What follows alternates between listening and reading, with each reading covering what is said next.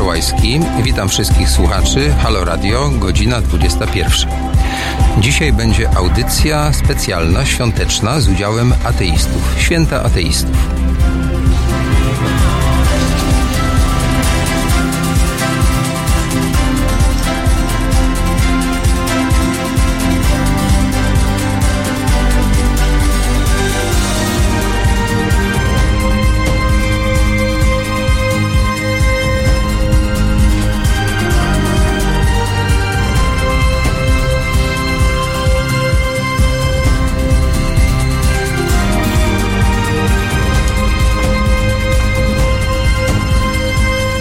Halo Radio.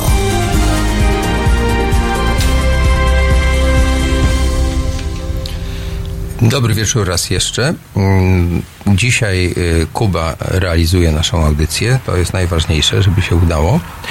Y, Ale nie mniej ważni, a może nawet i ważniejsi, bo przynoszą tutaj dobrą nowinę, są nasi goście. Y, Dzisiaj będzie taka ateistyczna katecheza, w której biorą udział pani profesor Joanna Heinderek z Uniwersytetu Jagiellońskiego. Witam serdecznie. Y, Pan mecenas Mirosław Woroniecki, adwokat, założyciel i prezes Stowarzyszenia Kongres Świeckości. Dobry wieczór, dobry wieczór Państwu. I pan Andrzej Dominiczak, działacz społeczny, publicysta, tłumacz, prezes Towarzystwa Humanistycznego i redaktor Racji. kwartalnika racjonalistyczno-humanistycznego. Rację. Dobry wieczór Państwu. Właśnie. I teraz tak, ja bym zaczął od tego, że powiem, dlaczego w ogóle dzisiaj się spotykamy z mojego punktu widzenia. Otóż ja mm, w ogóle zgodziłem się z Kubą Wątłym, że tutaj będę przychodził i Państwu opowiadał o różnych rzeczach. Trochę w taki sposób, że albo to będzie nawiązywało do filmów, które robię, albo takie, które chciałbym zrobić. Chciałbym kiedyś zrobić film o ateistach, bo to wydaje mi się bardzo ciekawe, oryginalne i takie trochę egzotyczne na polskim gruncie, gdzie jakoby znakomita większość społeczeństwa e, jest wierząca i to w takim sposobie, że tak powiem, katolickim. A czasem się zdarzało w XVII wieku na przykład spalono pewnego człowieka, który e, wątpił w istnienie Boga. Ostatnio się tego nie robi, ale wszystko wskazuje na to, że idziemy w taką stronę, że być może pewne dobre obyczaje wrócą. Chciałbym o tym zrobić film i wydaje mi się, że ta piękna wizja, którą mogliśmy oglądać e, w amerykańskim serialu, a przedtem książce, e, Boże, jak ona się nazywa, e, opowieści podręcznej, no już jest taka trochę bliska, prawda, że kiedyś to było odległe, taka fantazja, a dzisiaj to jest coraz bardziej takie możliwe. Co prawda tam jest taka wersja nie katolicka, tylko raczej protestancka, ale nie mniej religijna, wynikająca, że tak powiem, z tych wszystkich ewangelicznych e, przykazań rozumianych w taki specyficzny sposób. E, No to tak się tłumaczę, dlaczego tutaj Państwa e, tym próbuję mm, zająć. Wydaje mi się, to jest po prostu ciekawe. I teraz może zacznijmy od definicji. Ja poproszę, tutaj mam kartkę, ściągawkę, zaraz sobie do niej zajrzę, ale ja poproszę, żeby nasi wspaniali eksperci e, nam pomogli zdefiniować te pojęcia, którymi się dzisiaj będziemy posługiwali.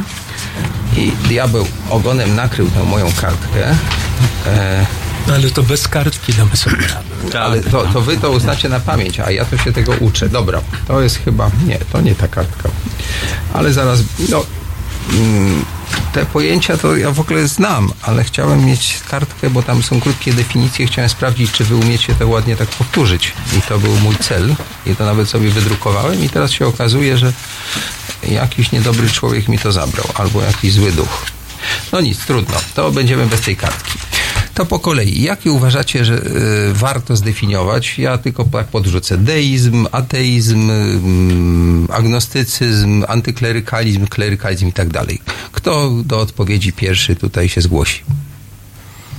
No to tak, może od twojej strony. Znaczy, A dlaczego? Od No bo ty bę- będziesz osobą bardziej właściwą na te podstawowe pojęcia dotyczące ateizmu. A kartkę już znalazłem. Prawie, że go będę sprawdzał, czy dobrze mówić. Nie, ale ja nie mam ochoty podawać definicji tych, y, które wymieniłeś, Konrad, i które pewnie masz na kartce, dlatego że to jest zupełnie oczywiste i każdy wie, Jaki co koń to jest? jest ateizm, agnostycyzm i tak dalej. Natomiast są pewne rzeczy mniej oczywiste i jako człowiek, który od lat na ten temat się wypowiada, od razu chciałbym przejść do tych nieoczywistych, bo wydają mi się ciekawsze. Znaczy wiadomo, że na przykład ateizm, no to jest brak wiary w Boga, czy przekonanie o nieistnieniu Boga, tak najogólniej mówiąc, ale wśród tych ateizmów wyróżnia się wiele odmian. I one są, dlatego niektóre z nich są ciekawe w Polsce, że one zupełnie nie pasują do tego, co sam przed chwilą mówiłeś, że o Polsce na ogół się uważa. I na przykład istnieje wśród różnych definicji, różnych odmian ateizmu i taka, która y, odnosi się do tak zwanego ateizmu praktycznego. Ateizm praktyczny to jest właściwie ateizm bliski etymologii tego pojęcia, a samo pojęcie pochodzi z greki od a, teos i znaczy bez Boga.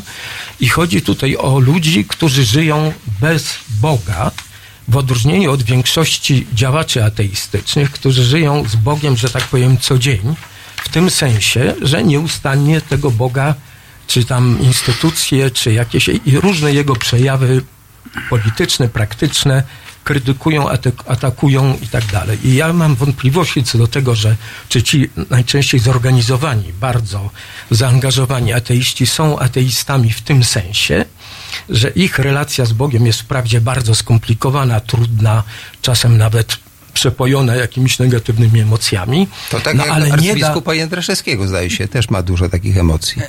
No, podobne, emo... na poziomie emocji rzeczywiście jest to podobne, natomiast w treści nie da się o tych ludziach powiedzieć, że oni żyją bez Boga. Natomiast większość Polaków, moim zdaniem, żyje zupełnie bez Boga. Ja to z pewnym rozbawieniem obserwuję nawet w czasie świąt ostatnio, które spędziłem, jak to ja, no tak się mi życie ułożyło w towarzystwie ludzi praktykujących i nie było najmniejszego akcentu religijnego przez dwa dni świąt. Nawet kolęd już się nie gra, tylko majteczki w kropeczki. A ateiści Mo- mają swoje kolendy, tak? To, to, to, nie byli ateiści, tylko to byli no, praktyczni ateiści, czyli Polacy praktykujący, którzy pytani określają się jako katolicy, a w rzeczywistości o Bogu w tej rodzinie kilkunastoosobowej, która się tam spotkała, czasem się wspomina, jak ja z ateistycznej, krytycznej perspektywy żartobliwie lub na serio zagadnę. Czyli więcej Bóg o Bogu mówią ateiści niż religijni ludzie. Znaczy zorganizowani ateiści, bo jeszcze są ateiści tacy jak ja, ale nie tylko ja, którzy no oczywiście w Boga nie wierzą i Boga krytykują czasem, ale nie co dzień bez przerwy. Ja rzeczywiście żyję bez Boga, a mój ateizm bardziej odnosi się do różnych konsekwencji wiary w Boga albo tego, co na ogół się uważa za konsekwencję wiary, wiary w Boga, znaczy do pewnej kultury politycznej. Znaczy mój ateizm, uważam, że ateizm w ogóle jest ważny i ciekawy, jeżeli dotyczy nie samej wiary w bajkę, jakąś o istnieniu Boga, czy tam raju, czy innych e, elementów tej tak zwanej wiary, tylko jak dotyczy wszystkiego religii właściwie, jako zjawiska społeczno-politycznego, bo to jest problem. Problemem jest umacnianie autorytaryzmu, umacnianie dogmatyzmu, posłuszeństwa i tak dalej. Czy ktoś wierzy w Boga? Na przykład Epikur twierdził, że istnieje Bóg jakiś, tylko że ten Bóg Epikura, taki deistyczny, podobno nawet nie wiedział o istnieniu ludzkości. Więc nie, miał, nie tylko nie miał wpływu, w ogóle nie wiedział, nic go nie obchodziło. Jasne, ale muszę wejść w słowo, bo proszę, użyłeś proszę. takiego trochę może obraźliwego dla niektórych terminu deistyczny i tutaj poproszę profesor Heinderek, żeby wytłumaczyła nam, co to jest deizm. Ja może jednak zacznę od, e, znowuż e, nie, nie będę odpowiadała e, wprost na twoje pytanie. O, jesteście nieposłuszni strasznie. No, Okropnie, tak, ale... Jak na lekcji katechezy zupełnie.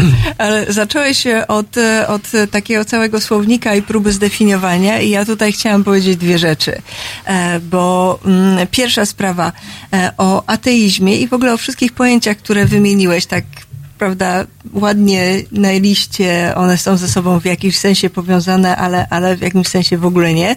E, pierwsza sprawa jest taka, że gdy mówimy o ateizmie, to tak jak już Andrzej zaczął, możemy mówić tak naprawdę na różnych płaszczyznach. I dla mnie wydaje mi się naj, najważniejsza to jest ta jednak to tak zwana ontologiczna, czyli, czyli trzeba sobie zadać pytanie, e, o czym my tak naprawdę mówimy albo nie mówimy, prawda? Czyli na tej płaszczyźnie ontologicznej. W radiu jest... lepiej mówić, bo jak jest cisza, to słabo jest. Tak. E, to jest e, negacja istnienia bytu transcendentnego, boskiego, czy w ogóle, prawda, całej duchowości. E, I o tym musimy pamiętać, bo e, drugie pojęcie, które się u ciebie pojawia, nim przejdziemy do deizmu, wydaje mi się jest tutaj ważniejsze, to jest agnostycyzm. E, I um, idąc nawet... Nie, nie mylić z astygmatyzmem, prawda? Podobne, W a nie żadnym to wypadku. samo. Em, tak. E, idąc na przykład za, za Dawkinsem, bo on to bardzo dobrze, dobrze ujął, prawda? To, em, To jest ten taki, proszę Państwa, papież to ten zły ateizmu. człowiek, to ten zły człowiek, tak. E, To mm, różnica jest fundamentalna, ponieważ e, agnostycyzm e, jest takim zawieszeniem sądów. E, Jest mówieniem może, może tak, może nie. Natomiast ateizm jest bardzo mocny w tej swojej negacji i to jest tutaj kluczowe, prawda? Czyli e, ateizm e, nie, nie mówi nic o istnieniu bytu prawda, boskiego, eliminuje tą, tą sferę transcendencji, e, no i konsekwentnie tak naprawdę milczy. Kiedy ateizm zaczyna mówić o, o religii, nie o Bogu, prawda, bo, bo o niebycie trudno jest cokolwiek orzekać, to jest zbyt pusty. Em, Czyli jak Boga nie ma, to w zasadzie nie można o nim mówić, tak? no, no bo co będziemy opowiadali o, o, o nieistnieniu, o jakimś... No to, ale to tym się Jedno, jedno chyba. zdanie chcę wtrącić. Nie ma różnicy między agnostycyzmem a ateizmem. Wbrew skąd? ale rzecz jest w tym, że, że, że stosunek do Boga, o stosunku do Boga i, i nie decyduje to, czy my myślimy, że On istnieje, czy my myślimy albo uważamy, czy jesteśmy przekonani, że nie istnieje, tylko wiara o tym decyduje. Dla religijnego pojmowania Boga decydująca jest wiara. To- Agnostycyzm, agnostyk tak samo nie wierzy w Boga jak ateista. Ale agnostyk definiuje się jako ten, który zawiesza sąd. On może i sąd e, zawiesza, ale nie wierzy, bo jakby wierzył, to by nie mówił, że zawiesza sąd, tylko Ale poczekaj, poczekaj, poczekaj, poczekaj, bo zszedłeś teraz zupełnie na inną dyskusję i jakbyś mi dał dokończyć. Już właśnie To tak, może tak. tak. Dajmy panu mecenasowi na chwilę dojść do głosu, I- i- ale ja mam jeszcze jedną uwagę, panie ja mecenasie. tylko dodam- ja, ja pana chcę tylko uzbroić w pewną taką obligację, żeby pan pilnował, żebyśmy nie złamali prawa, artykuł 196. Jak my zaczniemy w tę Nie. Stronę dryfować, to pan powie, Nie, nie, nie, że mamy nie mówić. Nie, w artykule 196 możemy sobie opowiedzieć jeszcze, to, to nas nie będzie tutaj dotyczyło, ponieważ my tutaj żadnych przedmiotów czci i kultu nie obrażamy, jak również nie jesteśmy w miejscu czci i kultu, także w ogóle nie, nie, nie, ten przepis nie ma Nie, do to nas jest kultowe zastosowania. radio, to pan się myli. E, e, e, Być może. Natomiast ja w tym momencie chciałem wtrącić, dlatego że żeście Państwo dotknęli kwestii, którą Dawkins właśnie w Bogu urojonym w swojej e, p- pracy pisze, bo to jest problem, z którym ja mam zawsze duży, dużo e, wspólnego, ponieważ sam się nie uważam specjalnie za ateistę i nie uważam się za agnostyka. Jestem człowiekiem obojętnym religijnie i obydwa pojęcia jakoś tam do mnie pasują. E, Problem polega na tym, że agnostycyzm jest pewnym stosunkiem do istnienia jakiejś siły nadprzyrodzonej, prawda? On nawet, on nawet może e, być takim, e, takim, takim e, ne- negatywnym stosunkiem do jakiejkolwiek koncepcji. Przecież my nie mówimy często o Bogu osobowym. Mówimy o jakiejś jednostce nadprzyrodzonej. To mogą być bardzo różne rzeczy. Więc jeżeli ktoś nie ma na ten temat zdania i nawet niespecjalnie go interesuje ten, ten, ten, ten, to istnienie bądź nieistnienie, tak jak mnie zresztą, ja w ogóle, jak, w ogóle nie, nie, nie, nie odnajduję w sobie żadnych emocji na ten temat. To zupełnie inaczej niż Andrzej Dominiczak, który Tak, tak. Nie, ale ja właśnie nie. przecież mówiłem, że mnie samo istnienie lub nie istnieje też mało obchodzi. No. Konsekwencje społeczno-polityczne, etyczne Dokładnie, dokładnie. Ale może my dajmy, oddajmy głos, żeby pani profesor dokończyła tą, tą swoją wypowiedź, bo ona jak gdyby domaga się dalszego ciągu. Prosimy bardzo, pani profesor. No, w zasadzie tutaj e, panowie już to podprowadzili, bo chciałam powiedzieć, że w momencie, kiedy prawda, ateiści w ogóle cokolwiek mówią o koncepcji Boga, e, to, to jest raczej dyskusja na temat różnych idei religijnych, prawda? Czyli czy z jednej strony to jest analiza e, założeń teologicznych, z drugiej strony właśnie pewnych konsekwencji społecznych, e, prawnych, etycznych, światopoglądowych na społeczeństwo. Czy to jest dyskusja z instytucją Kościoła, prawda?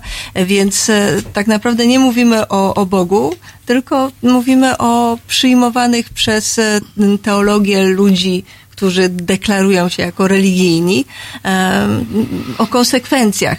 Natomiast absolutnie nie zgodzę się, prawda, że daje się porównać w jakimś sensie, prawda, ateizm i agnostycyzm, e, bo Nie agnostycyzm porównać, tylko zrównać. mm, zrównać, bo e, agnostycyzm jednak jest ja bym się tu zgo- zgodziła z Dawkinsem rozmyty. W tym sensie, prawda, że mamy takie zawieszenie czy, czy, czy Ale kropeczki. Natomiast ateizm, ale mówimy Ale- o poziomie ontologicznym, nie potem o tej analizie nie mówimy o kulturowej. poziomie ontologicznym, tylko mówimy, mówimy o tym, czy jest wiara w Boga, czy nie ma wiary w Boga. No to ateizm mówi, Ateizm Nie. mówi nie. Nie ma. Agnostyk też Agnos- mówi nie. Agnostyk o wierze nie, nie wierzy w Boga. Agnostyk w ogóle się to jest e, zupełnie tylko agnostyk mówi bardzo często nie wiem. Nie- no mówi nie nie, wiem, wiem, Nie, ale nie interesuje. ale Mhm. jakby wierzył, to by nie mówił nie wiem, tylko by mówił wierzę w Boga, A, bo no w ogóle ten Ale to stosunek jest różnica między nie wiem, Wiarą, a a nie. nie wiarą. Ale przecież tak naprawdę ateista też nie ma wiedzy na ten temat. Ja mówię, że Bóg nie istnieje i że to jest moje racjonalne przekonanie. Na podstawie twojej wiary. A nie wiedza. Tak, czyli nie to jest mam pewna wiary, wiara. A, ateizm jest wiarą. Nie jest wiarą, oczywiście jest racjonalnym przekonaniem. Przed chwilą to powiedziałem racjonalnym, bo uzasadnionym. Nie mam wiary i mam racjonalne przekonanie, ale nie mam wiedzy. Ateista tak samo nie ma wiedzy po, w poważnym sensie tego słowa, jak agnostyk. Tylko agnostyk zamiast powiedzieć, że nie wierzy tak samo, bo gdyby wierzył, to mówił wierzę w Boga, ale nie jestem pewien, czy istnieje, czy coś w tym rodzaju. Nie, to, to jest wewnętrznie Mylna jest ta definicja przez to, że pomija to, co, jest decyd- co decyduje o religijnym, o religijnej relacji z jakimś bytem wyobrażonym, jaki, na, jaki, jakiego nazywamy Bogiem. Mianowicie decyduje o tym wiara lub brak wiary, a nie wiedza żadna, bo nikt nic nie wie na ten temat. Słuchajcie, ale No to, dobrze, to ja na chwilę się- wejdę w słowo, dobrze? Bo mnie się wydaje, że jednak wy uciekacie, to ja tutaj sobie pozwolę z mojej ściągawki trochę skorzystać, żeby taki drobny porządek wprowadzić. Ja wiem, że ja normalnie tak próbuję trochę krotochwilnie, ale tym razem jakby odwrotnie, tak? Więc tak, teizm jeśli się nie zgodzicie, to możecie potem kontrować. Teizm to jest wiara w istnienie Boga lub bogiń, którzy są osobami ingerującymi w losy świata e, lub jest on ich dziełem. Oni czuwają nad biegiem wydarzeń i tak dalej, i tak dalej. E, wiara w Boga lub bogów bez e, odrzucania objawienia. Czyli to jest takie dosyć głębokie, tak, że tego Boga jest dużo. No, Natomiast istnieje deizm, który jest takim słabszym e, teizmem, który mówi, że była jakaś istota, która coś stworzyła, ale potem zostawiła to i to samo z siebie się kręci. Czy mniej więcej ta definicja teizmu i deizmu e, wam odpowiada? No nie. No to słucham. Nie, tutaj jest pe, pewien problem, dlatego że e, przede wszystkim, jeżeli mówimy o teizmie, to to jest e, tak, taka postawa, taki prąd umysłowy, który zakłada istnienie jednostki nadprzyrodzonej. To jest dosyć istotna różnica między Bogiem a jednostką nadprzyrodzoną, bo ona po pierwsze nie musi być osobowa, po drugie w ogóle nie musi być wyobrażona w naszym przeciętnym rozumieniu. I moim zdaniem deizm jest właśnie e, bardziej twardą postawą, to znaczy ona, deizm właśnie odnosi się do istnienia jednostki na, e, nadprzyrodzonej w kształcie osobowym. Tak przynajmniej to dotychczas rozumiałem. Dlatego deizm jest silniejszym pojęciem i bardziej szczegółowym pojęciem. No nie, ale to jest tak, że y, z tego co ja się orientuję i ci, którzy mm, lansowali tę teorię, a tutaj jest wiele wybitnych postaci naszej kultury od czasów Voltera, Rousseau, y, Diderot i tak dalej. Epikura, E, naprawdę A nawet wcześniej, okej. Epikur. A Tak. także Tadeusz Kościuszko na przykład, a ostatnio Korwin-Mikke. E, więc tutaj jest szeroki wachlarz tych postaci, które są zwolennikami tej koncepcji. I tak jak ja rozumiałem, można zajrzeć do mm, słownika wyrazów obcych lub Wikipedii, to deizm y, jest opisywany jako mm, przekonanie, że ktoś to stworzył, ale potem przestał się interesować. Mówię w uproszczeniu, tak? Że to jest tak, że ten zegarmistrz, który ten zegarek wytworzył, już go nigdy nie chce naprawić, dotykać i tak dalej, on sam chodzi i tyka, tak? E, I trudno wtedy dyskutować, czy tam jest osobowy, czy nieosobowy, bo on w ogóle jest y, niezainteresowany, tak?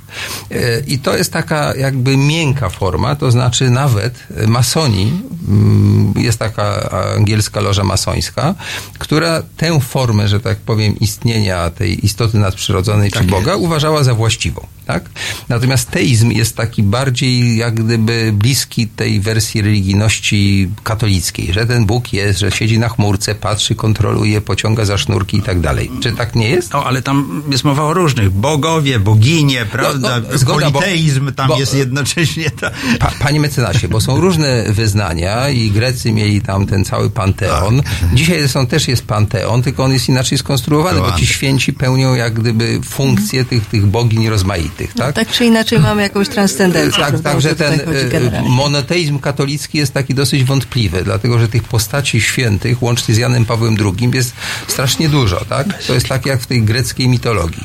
E, Prawdziwy monoteizm to jest chyba na przykład ten w religii judaistycznej, to był Jahwe i koniec, tak? Nawet nie można było tego imienia wymówić, przedstawić, w ogóle wszystko było zabronione. I w ogóle generalnie. nie Jahwe, tylko Jehwe. No, no tak, tak. Ja nie mam aż takiej doskonałej dykcji jak, jak, Andrzej. Dominik, Dominiczak. Dobrze, to uporaliśmy się troszeczkę z deizmem i ateizmem e, i w związku z tym możemy odpocząć, w związku z czym proponuję, żeby Państwo tak się ochłodzili trochę i nie będzie kolendy, ale będzie Walk This Way Aerosmith.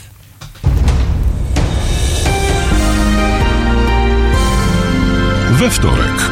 Od 21 do 23 telefony od Państwa odbiera Radek Masłowski. Rozmowa, dialog, zrozumienie i żadnej agresji.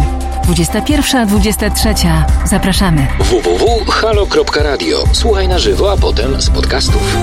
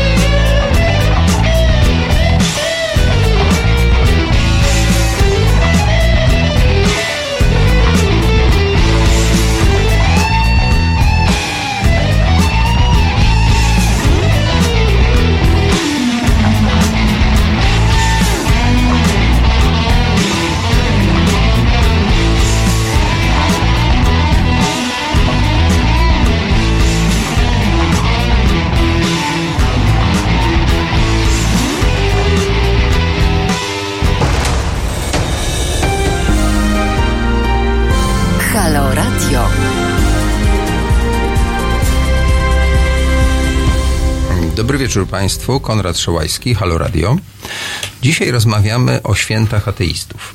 Y, Dlatego zaprosiliśmy do studia aż całą trójkę, przy czym jeden z tych y, panów tutaj nie do końca uważa, że jest ateistą, chociaż nie wierzy w Boga, więc to jest dość skomplikowane. W każdym razie tak pokrótce. Pani profesor Joanna Heinderek, pan mecenas Mirosław Woroniecki, właśnie ten trochę wątpiący i pan Andrzej Dominiczak, który taki jest bardziej, że tak powiem, prorokiem, takim człowiekiem przekonanym o swojej wiedzy i głębokiej tutaj wierze w ateizm. I teraz tak, e, ja mam takie wrażenie e, i chciałem, żeby Państwo to skomentowali, jeśli macie w tej sprawie jakąś opinię, e, że ateiści w dużej mierze dyskutują o Bogu. Znaczy przynajmniej część ateistów, od razu, żeby nie, nie etykietować wszystkich, o Bogu, religii, wierze i są generalnie specjalistami od Biblii, od y, Nowego Testamentu i tak dalej, i tak dalej. I odwrotnie, tacy ludzie jak na przykład arcybiskup Jędraszewski, to oni się specjalizują w genderze, w, e- w ekologii, w LGBT i głównie to komentują. Czy zgadzacie się z tym, że jest taka jakby wymiana, taka braterska współpraca? No ja już o tym mówiłem y, wcześniej, definiując interesujące dla mnie odmiany ateizmu. Mówiłem o tym, że prawdziwi ateiści to są ci, którzy żyją bez Boga, również w tym sensie, że nie powinni, czy no, nie zajmują się nim na co dzień od rana do wieczora. To dla mnie są ateiści. A ci, Czyli, czyli arcybiskup mówiłeś, Jędraszewski na przykład się zajmuje genderem, LGBT i tak dalej, czyli jakby pasuje Jeż- do tej definicji ateisty, tak? no Czy nie? ja nie wiem, czy on tak cały czas... Nie, on się krytyką zajmuje. Krytyką. Ale krytyka oznacza zainteresowanie. No tak. No i no. szukanie wroga. Tak, to przede wszystkim, no my też się musimy zinteresować no, siłą rzeczy. Moja organizacja i ja y, zajmujemy się wieloma kwestiami dotyczącymi głównie relacji państwo-kościół, ale to nie znaczy, i zresztą ja, ja zawsze podkreślam, żeby się nie interesować religią, w ogóle nie zajmować stanowiska, o ile to jest możliwe na kwestiach religijnych. Natomiast musimy y, w pewnym zakresie y, pe, pe, pewne aspekty opanować, chociażby pewne struktury kościelne, pewne, pewne zasady funkcjonowania kościoła y, hierarchicznego. Mówię tutaj o kościele w rozumieniu hierarchii kościelnej. No musimy poznać całe uwarunkowania okołoprawne funkcjonowania kościoła. No więc jak, jakiś tam oczywiście kontakt z kwestiami religijnymi musimy mieć po prostu. To jest, to jest nie, nie, nie, nie do uniknięcia. Dlatego też Jędraszewski i inni biskupi, już tu muszę przywołać niektóre nazwiska, Depo na przykład, a taki biskup, y, no mój ulubiony biskup Dydycz, e, Michalik, Ten, ten co ma taki ładny wehikuł, którym jeździ. No tak, tak. To zresztą y, człowiek bardzo, bardzo przez nas ceniony za pewne działania, o których być może jeszcze powiemy sobie. Y, Czy to jest człowiek, który chciał rozwiązać Sejm, mianowicie gdzieś w 2012 roku zażądał rozwiązania Sejmu, jako że Sejm niezbyt dokładnie kontrolował rząd. Tak, tak, takie miał wystąpienie, co było jednym z takich przykładów ingerencji nieprawdopodobnej w kwestię mm, niezależności mm, i autonomii państwa, tak, o której mowa jest w Konstytucji. E, Także, także my musimy się tym interesować i oni też muszą, dlatego że oni, oni jeżeli chcą, e, że tak powiem, kontynuować politykę konfrontacji, ze współczesnym światem, no to muszą się konfrontować z bardzo konkretnymi rzeczami, tak? Co powiedział, co powiedział ostatnio Jędraszewski? No, Jędraszewski powiedział, że e, musi walczyć z taką ideologią, tym razem chodziło mu o eko, ekologizm jako ideologię, tak? I, i powiedział, że to jest, i to jest ideologia, która w ogóle jest w oderwaniu od rzeczywistości, w ogóle rzeczą straszną jest ona. I gorsza od. E, tak, tak, tak. To, to, no, no, a teraz tak, 15 biskupów, chyba wczoraj, w Rzeszowie na spotkaniu po, taki list wydało popierający Jędraszewskiego. Natomiast jak ja czytałem chyba na Onecie przekaz dotyczący tego wystąpienia Jędraszewskiego, to tak sobie tak pomyślałem, że tak właściwie tą ideologią taką naprawdę, która jest w całkowitym oderwaniu od rzeczywistości, to jest katolicyzm. Ona się nie opiera na jakichkolwiek rzeczywistych e, kwestiach, tylko właśnie na całej religijnej wizji świata, więc poza, poza rzeczywistej. Mm, I to jest chyba jakiś problem, natomiast, natomiast ona jest, funkcjonuje. My musimy się z nią liczyć, musimy ją poznać, na ile nam jest to konieczne. Znaczy, ja Ale bym tutaj ja dodała chciałem- ważną rzecz jedną, przepraszam Tak. cię, bo em, to pytanie e, dla mnie jest fundamentalne. Bo dlaczego, prawda, ateiści, którzy nie wierzą, prawda, czy mówią wprost, nie ma Boga, zajmują się religią. To jest e, tak naprawdę sytuacja, w której bardzo często ateiści, czy w ogóle, prawda, szeroko rozumiani ludzie areligijni są stawiani pod ścianą. Czyli patrząc na tradycję, patrząc prawda, na to, jak na przykład Kościół niesamowicie e, jest upolityczniony i jak bardzo mocno angażuje choćby w sprawy naszego kraju, e, możemy zobaczyć, że e, w pewnym momencie, jeżeli chcemy normalności, prawda, czyli, czyli chcemy normalnego funkcjonowania państwa, chcemy, żeby była przestrzegana konstytucja, żeby był rozdział państwa od Kościoła, no to zaczyna się wchodzić w tą dyskusję. Czyli rzeczywiście, tak jak pan mecenas powiedział, ateista w pewnym momencie jest zobowiązany, żeby choćby zapoznać się z pewnymi, hi- czy historią Kościoła, czy pewnymi dogmatami, bo one cały czas są narzucane społeczeństwu bez pytania, czy jesteśmy wierzący, czy nie. I nas ma obowiązywać czasami prawo kościelne, e, chociaż tak naprawdę powinno nas obowiązywać prawo świeckie, prawo tego No państwa. tu chciałem dodać, że to jest zupełnie inny temat wprowadziliście. Ja odpowiadałem na pytanie o ateizm jeszcze, defi- definicję, sens i tak dalej. Yy, Tego, czy właśnie o ateizmie lub agnostycyzmie decyduje wiara, czy też nasze przekonanie, czy nasza wiedza, a zupełnie czym innym jest działalność społeczno-polityczna, w której oczywiście toczymy, a zwłaszcza Kongres Świeckości, ale Towarzystwo Humanistyczne na swój sposób też, rodzaj krytyki tej autorytarnej polityki Kościoła, autorytarnej, dogmatycznej i pod wieloma względami, innymi względami, nie do przyjęcia w demokratycznym, liberalnym państwie prawa, w którym się troszczymy o godność, wolność i tak dalej, no to oczywiście, że musimy się wtedy no, od, odnosić do tego, do zagrożeń, które Kościół stwarza, naszym zdaniem stwarza, tak jak też Joanna dodała, także to jest inna sfera i oczywiście to tu mnie mniej dziwi, chociaż muszę wam powiedzieć, że jednak dziwi mnie to, że no, większość znanych mi ateistów aż tak uważnie śledzi codzienne życie Kościoła, to mnie jednak nawet śmieszy dość często. Tym bardziej, jeśli ci sami ateiści stwarzają moim zdaniem bardzo podobne zagrożenia jak y, arcybiskup Jędraszewski, bo niestety nawet dzisiaj e, na Facebooku e, wrzucił na mój profil nawet taki no, bardzo aktywny działacz ateistyczny, o, y, ja tutaj robię znak cudzysłowu, racjonalistyczny, na temat godności się wypowiedział w obszernym wpisie, że godność to jest największa bzdura w ogóle jak, jako wartość. On napisał to nonsens oczywiście. Chodzi o to, że godność to jest bzdura. Znam ateistów, którzy popierają PiS i politykę Kościoła w życiu czysto politycznym, więc e, czy, czy to, co my krytykujemy, oczywiście ja bardzo ostro w różnych sytuacjach, miejscach na piśmie, w mowie i w obrazie krytykuję no, takich faszyzujących ludzi Kościoła, jak Jędraszewski na przykład, bo jego wypowiedzi są właściwie czysto faszystowskie w, w sprawie LGBT i w, w kolejnych sprawach. A czy ja mogę wejść w E, słowo? Ale to, to w działalności politycznej, jak w działalności mentalnościowo-kulturowo-psychologicznej, to takie zaprzątnięcie tylko, czy głównie sprawami Kościoła wydaje mi się trochę śmieszne albo problematyczne. No tak, ale czy ja mogę ci wejść w słowo, mm, bo taka przyszła mi myśl interesująca może.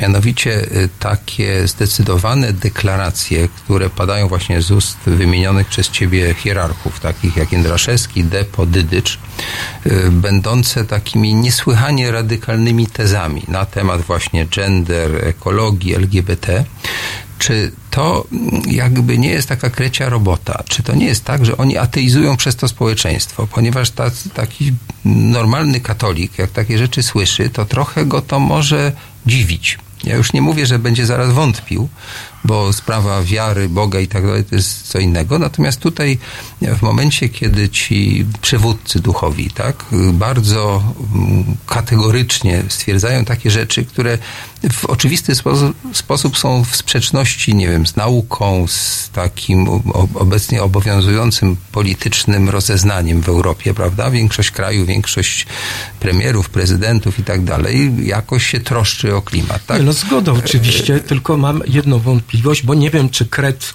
robi to, co robi intencjonalnie, czy mu to tak wynika niezależnie od tego, o co mu chodzi.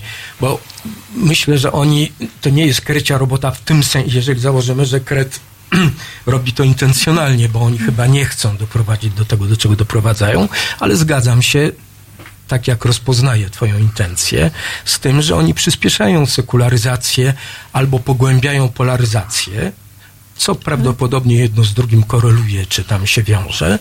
No oczywiście tak, bo jednak y, tysiąc czynników. Myślę, że głównie nasze wejście do Europy, ale nie tylko. Różne czynniki przyspieszają czy powodują, są przyczyną w dużej mierze sekularyzacji i ateizacji, która postępuje w Polsce poza Urugwajem podobno najszybciej na świecie i oni się do tego przyczyniają. To, co do tego nie mam wąt- wątpliwości. No ale z drugiej strony mamy w społeczeństwie dosyć dużą mm, społeczność fanatyzującą się. Ja mam na myśli choćby, prawda, te takie ugrupowania bardzo prawicowe, które e, nawet jeżeli to nie jest jakaś szczera wiara, to grają, prawda, tą kartą religijną. E, I to, co robi Jędraszewski i tego typu, prawda, e, osoby, jest bardzo niebezpieczne, bo to jest trochę lanie benzyny, prawda, do już gdzieś palących się e, problemów społecznych, a poza tym proszę zauważyć, że tutaj mamy takie mocne wskazywanie wroga. Czyli, prawda, to jest e, ostatnio ten ekologizm, e, czy, czy e, wcześniej ideologia gender, prawda, czy, czy choćby, prawda, LGBT, czy nawet stosunek do, do uchodźców bardzo taki negatywny. I to jest, no, dosyć, dosyć niebezpieczne, prawda, bo z tym wskazaniem wroga idzie taka stygmatyzacja, idzie właśnie ta polaryzacja. Natomiast jest też przerażające, że jest duży procent ludzi, którzy idą na taką mszę i, i, i na przykład Jędraszewski ma swoich obrońców, prawda? Jak, jak ostatnio w Krakowie były protesty przeciwko właśnie tym wypowiedziom takim jawnie faszystowskim, to stali ludzie z różańcami, prawda? I, i się modlili w obronie Jędraszewskiego. Więc to pokazuje, prawda, że tak jak następuje na pewno jakaś tam ateizacja czy zeświadczenie dużej części społeczeństwa, to mamy mocne grupy sfanatyzowane e, i, i ale to jest faszyzacja. Moim zdaniem to jest przede wszystkim faszyzacja, tak, ale która... gra, gra religią, prawda? Tak, to jest e, instrument- wzyskiwanie karty które przetargowej bardzo mocnej. Wszyscy oni mówią tak, my mamy Boga, my mamy wartości. Pełna zgoda. Wszyscy Mhm. faszyści używali religii instrumentalnie. Mussolini, twórca politycznego faszyzmu, przecież zawarł pakty laterańskie i Mhm. prawdopodobnie nigdy nie przestał być ateistą, a zachowywał się Tak, jak coś przyjaciel. Według mojego autora książki Watykan zdemaskowany, którą kiedyś przetłumaczyłem i wydałem, to on właściwie uratował Watykan. Obiecałeś mi ją przesłać, nie Tak, przesłałeś. Przesłałem. Przesłałeś już? O, dziękuję. No, Dmowski też był ateistą. No. Tak, ale słuchajcie, koncepcję ja wrócę to- do tej idei, bo on, mi się wydaje, że ona jest taka dosyć elegancka. Mianowicie McCarthy, który był tym takim e, guru ruchu antykomunistycznego, szefem tej komisji w Ameryce i tak dalej, w pewnym momencie tak daleko zaszedł, że ośmieszył te działania. E, Tacy ludzie jak Robespierre czy Savonarola, którzy byli, że tak powiem, orędownikami takiego bardzo ostrego kursu, zdaje się, że potem Robespierre stracił głowę na gilotynie, a Savonarole już nie pamiętam, czy spalili, czy coś innego mu złego zrobili, ale też się źle skończyło. Nie, nie życzę tego y, Jędraszewskiemu, bo wydaje mi się, że żyjemy w XXI wieku i takie rozwiązania już są za nami, mam nadzieję. Niemniej, czy nie powinno być tak, y, jak mówię do was, ateistów, że powinniście wyjść, tu profesor Heinderek z takim wielkim transparentem, popieramy arcybiskupa Jędraszewskiego i jego ostre tezy, y, ponieważ właśnie one w sposób jednoznaczny dla większości takiej bardziej wyrafinowanej części społeczeństwa są osobliwe, mówiąc delikatnie. Czy to nie byłoby bardziej skuteczne, żebyście się połączyli z, z tamtymi że jego obrońcami? Tak, taka pomarańczowa antel, a, a alternatywa bis. Co? Wiesz, gdyby to nie był faszyzm, to e, takie żarty mogłyby być fajne, czy happeningi tego rodzaju.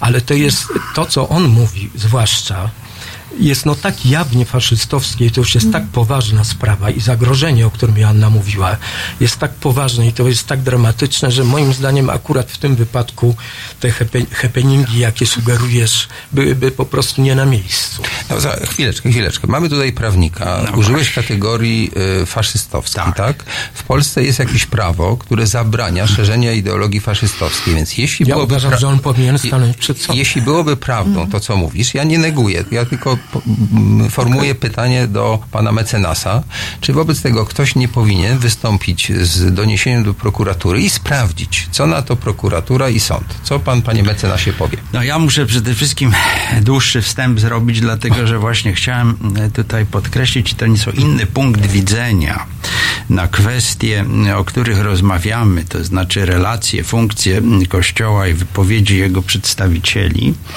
e, niż tylko umiejscowienie ich w takim sporze o wartości, o religię, o, o sposób widzenia świata. M, Ponieważ ja założyłem Kongres Świeckości właśnie dlatego, żeby zająć się kwestiami czysto polityczno-prawnymi i spróbować oddziaływać na przedstawicieli, no głównie polityki, e, poprzez e, skłonienie ich do rozważenia dotychczasowego postępowania i dotychczasowych osiągnięć, które doprowadziły do klerykalizacji Polski.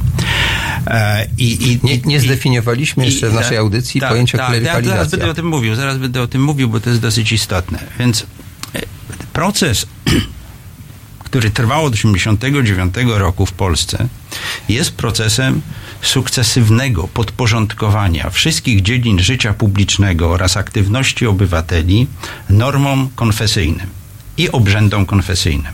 To jest istota klerykalizmu.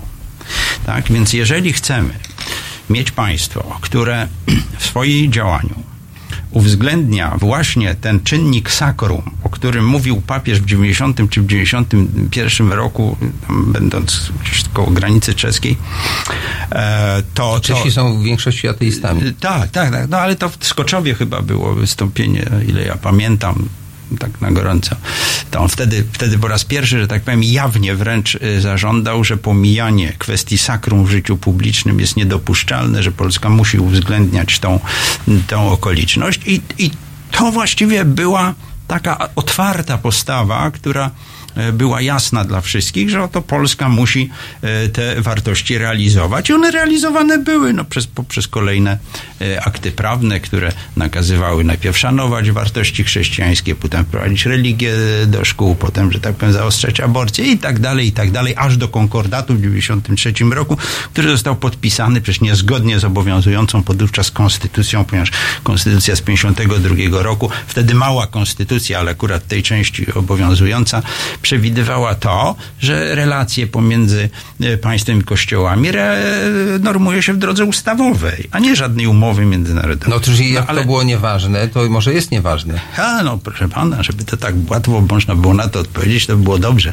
Były też Ale inne 30 lat... podstawy do... Była Tak, złożona tak. nawet e, skarga do Trybunału Konstytucyjnego w sprawie trybu przyjęcia konkordatu, Tak, tryb był bo zdaniem zły, profesor Stanosz na przykład, to już nie będę rozwijał tej prawniczej części, e, to powinno być przyjęte większością kwalifikowaną dwóch trzecich, a nie zwykłą większością. Dlatego, ale już to już, jeżeli żeśmy to poruszyli, to powiedzmy dlaczego, bo to z reguły ludzie tego nie wiedzą. Otóż dlatego powinna być większość zachowana dwóch trzecich podówczas, że e, po pierwsze następowała delegacja uprawnień państwowych dla księży, między innymi poprzez to, że mogli oni za, e, zawierać, e, udzielać ślubów e, konkordatowych, czyli, że tak powiem, pełnili funkcje urzędników, urzędników państwowych bo wtedy urzędnicy Urzędu Stanu Cywilnego generalnie byli uprawnieni do e, przyjmowania oświadczeń składania odpowiednich dokumentów. Natomiast to był pierwszy argument. A drugi argument, ja, rzadko, rzadko podnoszony, ale on wynikał z artykułu 22 konkordatu. To był taki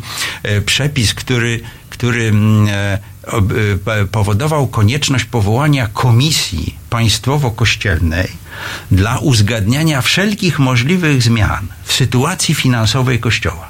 Ta komisja zresztą do dzisiaj nie została powołana. I chociażby te dwa elementy powodują to, że ta e, większość, e, którą przyjęto, e, ustawę ratyfikującą konkordat, a był to rok 97, e, to jest... Czyli chwalebne rządy SLD. No to oczywiście, że tak. Oczywiście właśnie o tym chciałem mówić, że pana, sytuacja była taka. 30 lat sukcesywnie, stopniowo wprowadzano zasady, zresztą moim zdaniem niejawnie, które podporządkowały państwo regułom i obrzędom konfesyjnym i jednego wyznania. Pod pozorem zresztą, że jest to współudział wszystkich wyznań, dlatego że przepis konstytucyjny artykułu 25 ustęp e, Brewana trzeci, który zresztą dotyczy wszystkich kościołów i związków wyznaniowych, a usytuowany jest w rozdziale drugim Konstytucji poświęconym, proszę pana, instytucjom państwowym.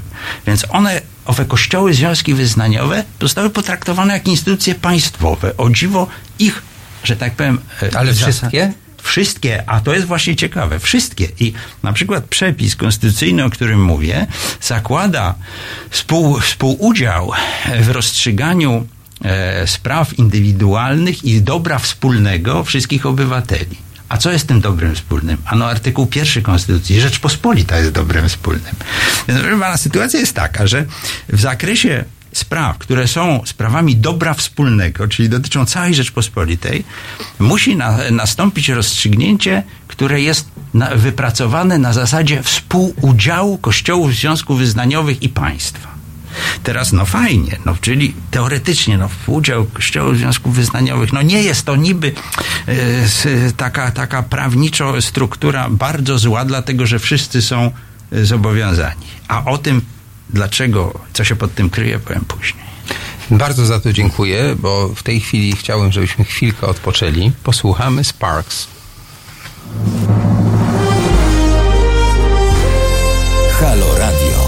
Kochani, e, bardzo gorąco chciałabym Was zachęcić do poparcia pewnej ważnej inicjatywy. Fundacja Obywatelska chce stworzyć medium obywatelskie, czyli radio z wizją. Takie radio, w którym każdy z nas, my, wszyscy obywatele, będziemy mogli powiedzieć, co naprawdę myślimy o rzeczywistości. Żaden polityk nie będzie maczał w tym swoich brudnych palców, także zachęcam Was bardzo serdecznie do poparcia tej inicjatywy, którą ja gorąco popieram.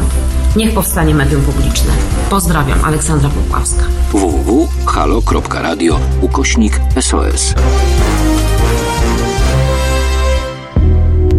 No matter gain or it's those tiny little sparks daily life that makes me forget my wounded heart. It doesn't matter when, it may rain or it may shine.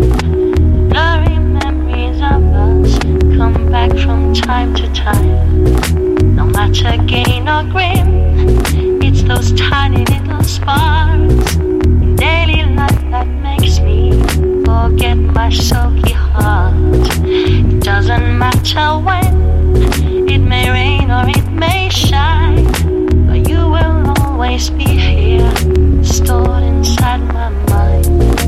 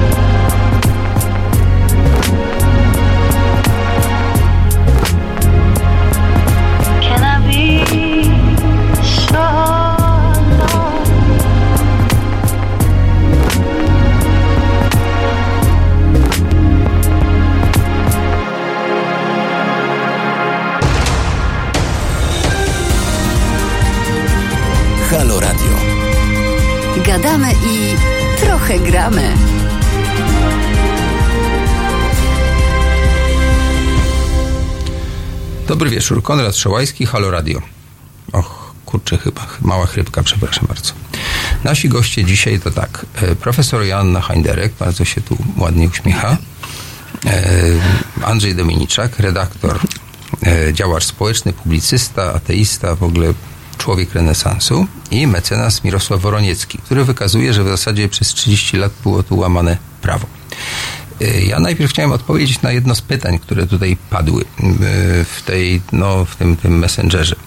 E, Ja generalnie Państwa zachęcam jednak do telefonowania, bo czytanie jest trudne, strasznie dużo jest tych pytań rozrzuconych, a jak ktoś zadzwoni i to w sposób jasny wyłoży, to może zapytać naszych gości. Ale y, przypominam na wszelki wypadek 22 39 059 22 to jest telefon. Mail też jest możliwy, teraz małpa. Odpowiem teraz na dwie rzeczy. Mianowicie y, ktoś mówił, że Bóg Ra w Egipcie y, był i że tam go wielbili, nie wiem czy dalej to robią.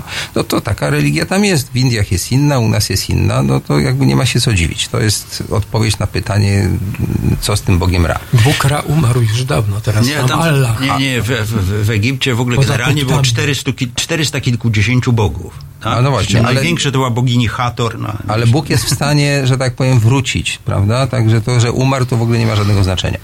Natomiast ktoś tam zwrócił uwagę na to, że y, zgłoszenie do prokuratury zawiadomienia o możliwości popełnienia przestępstwa jest nieskuteczne, bo prokuratura tego nie podejmie. Otóż ja nie jestem prawnikiem, ale wiem, że wtedy można się odwołać do sądu. Sądy są dalej niepokorne. Tutaj mieliśmy sędziego Żurka i sędziego Gąciarka. Może kiedyś zaszczyci nas jeszcze sędzia Tuleja i inni tacy niepokorni.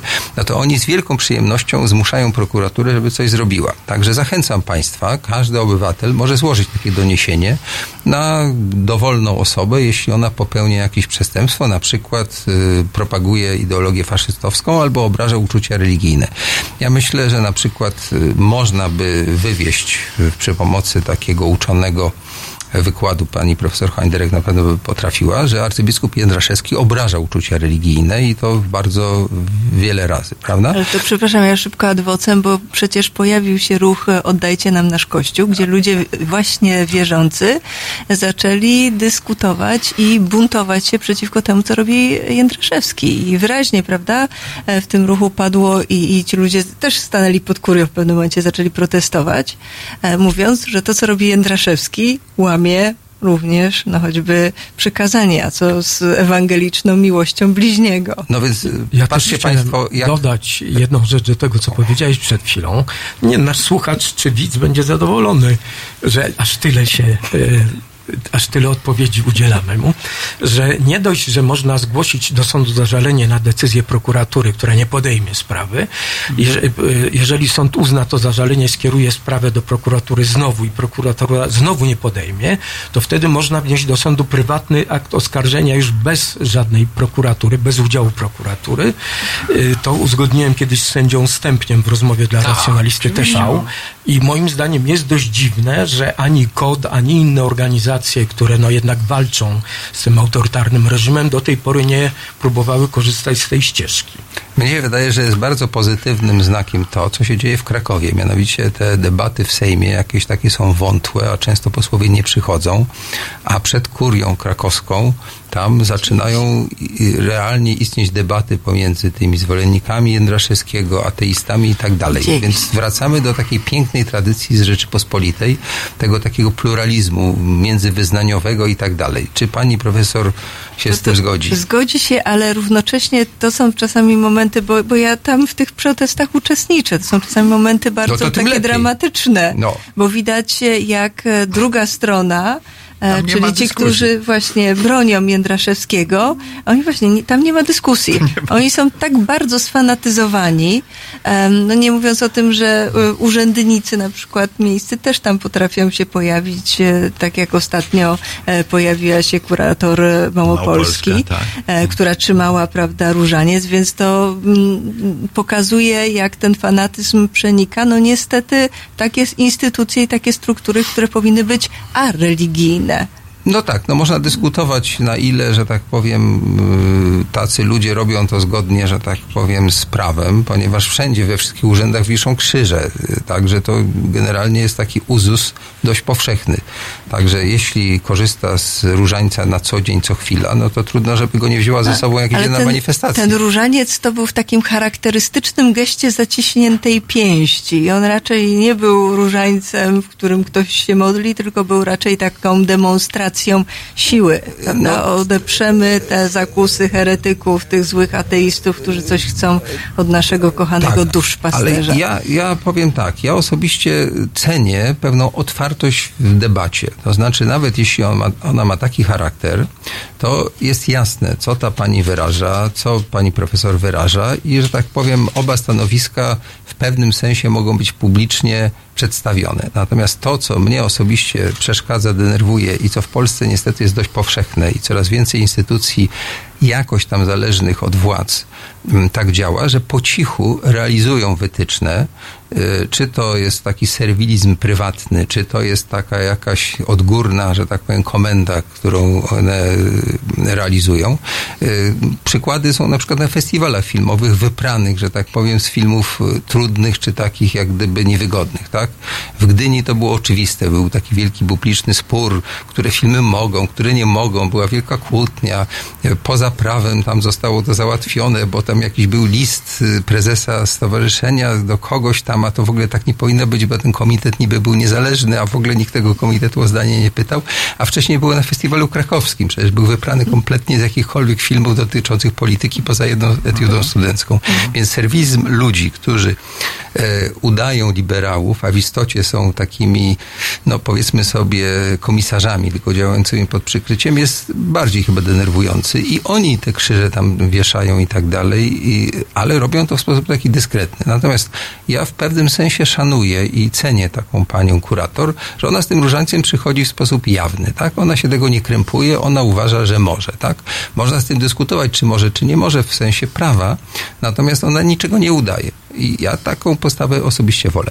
Ale teraz chciałbym oddać głos panu mecenasowi e, i mam nadzieję, że przystępnie, krótko i treściwie nam powie to, co chciał nam powiedzieć przedtem, a mu brutalnie przerwałem, puszczając muzykę. Tak, dlatego że muszę parę słów o Kongresie Świeckości powiedzieć, czyli o mojej organizacji, dlatego że myśmy powiedzieli w ten sposób. Nie, spój, spójrzmy na Kościół, na jego sytuację w Polsce, na relacje z politykami, z państwem, nie ze strony czysto światopoglądowej, nie ze strony wiary bądź niewiary poszczególnego, sto- stosunku poszczególnych ludzi, tylko spójrzmy jako na pewną grę interesów. I napisaliśmy w 2017 roku w lutym, w naszym apelu, który inaugurował naszą działalność, że jesteśmy w takiej sytuacji oto, kiedy doszło do rzeczywistej koalicji partii rządzącej z Kościołem. To jest nowum w Polsce, dlatego że dotychczas wszystkie próby e, klerykalizmu, zastosowania klerykalizmu w polityce, poczynając od e, ZHN-u, poprzez AWS, poprzez wybory w 2005 roku, które wygrał PiS i stworzył koalicję prawda, z samoobroną i, i, i z, z formacją Giertycha. Wszystkie te próby. o SLD. E, Nie, nie, nie, nie, nie. Wszystkie Moim te próby. tak. Dobrze, do, dojdziemy i do SLD, ale wszystkie te próby zakończyły się niepowodzeniem dlatego. Dlaczego? Bo Kościół nigdy oficjalnie ich nie poparł, nigdy oficjalnie na przykład nie poparł koncepcji czwartej Rzeczpospolitej. Wprost przeciwnie nawet. Przypominam sobie taką wypowiedź biskupa Muszyńskiego, który nawet bardzo, że tak powiem, e, mocno skrytykował ówczesnego, ówczesnego prezydenta Lecha Kaczyńskiego. I co się stało? Nagle coś się stało. Mianowicie coś się stało w roku 2010 takiego, a, a, a wiemy co się stało. No była to katastrofa samolotu w Smoleńsku i cały ruch ogromny, który na tej, na tej bazie powstał, że Kościół doszedł do mecenas mówi o zamachu smoleńskim. E, Nie, mówię o katastrofie. Spisku. O spisku. Nie, mówię o katastrofie, e, zdecydowanie katastrofie i to jeszcze, że tak powiem, spowodowanej naszym, naszym, poprzez nasze zaniedbanie jako państwa. No to był zamach wewnętrzny. Tak. No nie, tego nie wiem. No, Może i tak. E, W każdym bądź razie tego momentu mamy zdecydowane wykorzystywanie klerykalizmu jako instrumentu działania politycznego, które doprowadziło do wykształtowania się klerykalizmu politycznego jako szczególnej tej odmiany instrumentu politycznego, który okazał się być bardzo skuteczną bronią w zdobyciu władzy. I temu klerykalizmowi politycznemu z drugiej strony odpowiada zjawisko, które możemy nazwać polityzacją religii. I teraz jeżeli my na to patrzymy, właśnie nie wdając się w kwestie mm, emocjonalne, w sensie mm, no, takiego osobistego stosunku do tych kwestii, to jedna rzecz jest pewna, mianowicie dotychczasowe, dotychczasowa uległość polityków wobec Kościoła, czy też nawet pewien, pewien, e, pewne podporządkowanie interesom Kościoła, jego aspiracjom, uzyskuje całkowicie nowy wymiar. Mianowicie uzyskuje taki wymiar, że mamy do czynienia z wzajemnym wspieraniem się obu tych organizacji. Teraz, co jest ciekawego? A tu już się odwołam do pewnej pani profesor, która, pani, pani profesor Grzymała Bizet, to bardzo ciekawa postać, dlatego że to jest pani, która jest z Uniwersytetu Stanforda, profesorem, doktorat w Harvardzie, studia w Princeton i Cambridge. I ona bardzo dobrze napisała w takim referacie, który był zaprezentowany na e, konsylium Civitas w Warszawie, chyba w lipcu to było, e, mianowicie napisała o instytucjonalnym dostępie Kościoła do władzy.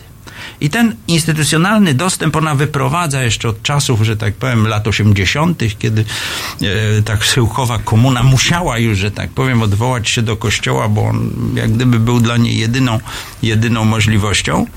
E, a ja powiem inaczej, a ja powiem tak. Ja, ja osobiście nie oce- oceniam tego w kategoriach instytucjonalnego dostępu. Ja oceniam to w kategoriach współwładzy.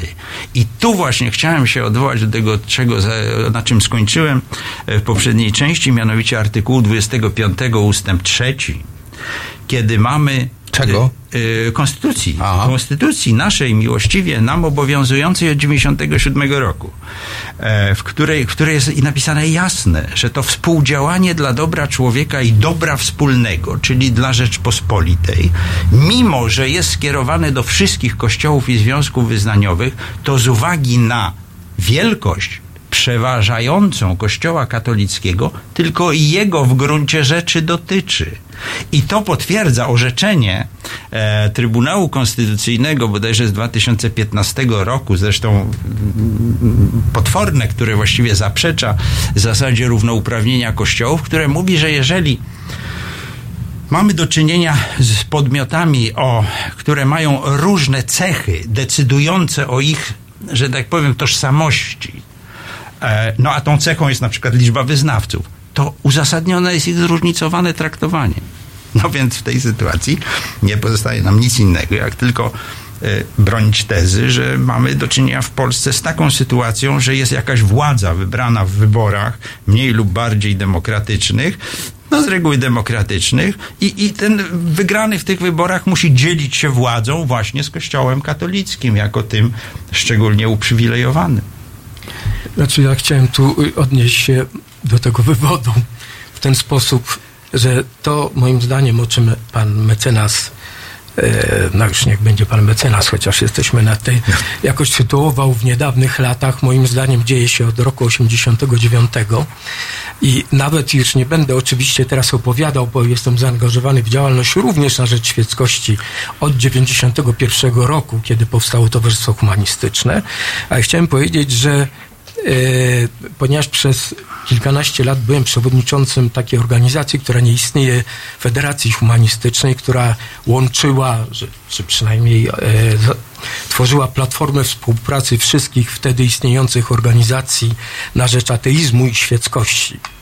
I na przykład z racji e, bycia współprzewodniczącym tej federacji uczestniczyłem w posiedzeniach Komisji Konstytucyjnej i angażowałem się w tamtych latach bardziej w działania takie, jakie dzisiaj Kongres Świeckości raczej podejmuje. Więc moim zdaniem okresem najgorszym z punktu widzenia zagrożenia klerykalizacją, postępującej klerykalizacji i tak dalej, był okres 10 lat władzy ówczesnego prezydenta, a wcześniej jeszcze szefa Komisji Konstytucyjnej Aleksandra Kwaśniewskiego. I nie chodzi tylko o to, jak on prowadził e, posiedzenia plenarne Komisji Konstytucyjnej, w której księża w liczbie kilku mieli pełne prawo głosu, bez żadnego zgłaszania się, odzywali się, wnioskowali, robili co chcieli. Czyli A bez znamy żadnego, nazwiska, znamy ich nazwiska. Natomiast bez żadnego trybu się urodziło Bez wtedy. trybu zupełnie, nawet nie musieli mówić, że bez trybu to było oczywiste dla wszystkich.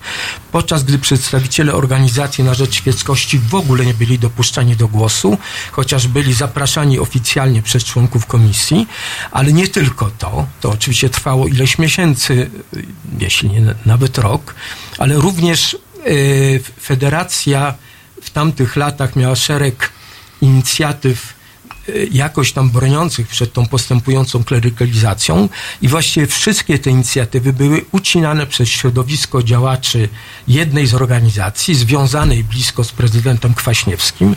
Ci ludzie wprost mówili, że to się Olkowi nie spodoba i utrącali kolejne inicjatywy, w tym na przykład taką no, ważną dla wielu ciekawą, ciekawą inicjatywę e, konkordatu z niewierzącymi. To była ta, takie hasło, to był pomysł na to, żeby rząd zawarł ze środowiskami świeckimi czy ateistycznymi porozumienie, rodzaj ustawy podobnej do tej, jaką rząd zawarł z, z innymi kościołami niż Kościół katolicki, czyli nie umowa międzynarodowa, ale ustawa, która by zapewniała osobom niewierzącym w Polsce i organizacjom utworzonym przez te osoby te same prawa, również finansowanie, dostęp do szkół, które, którymi się cieszy Kościół katolicki i w jakiejś mierze inne kościoły, przynajmniej w niektórych rejonach Polski.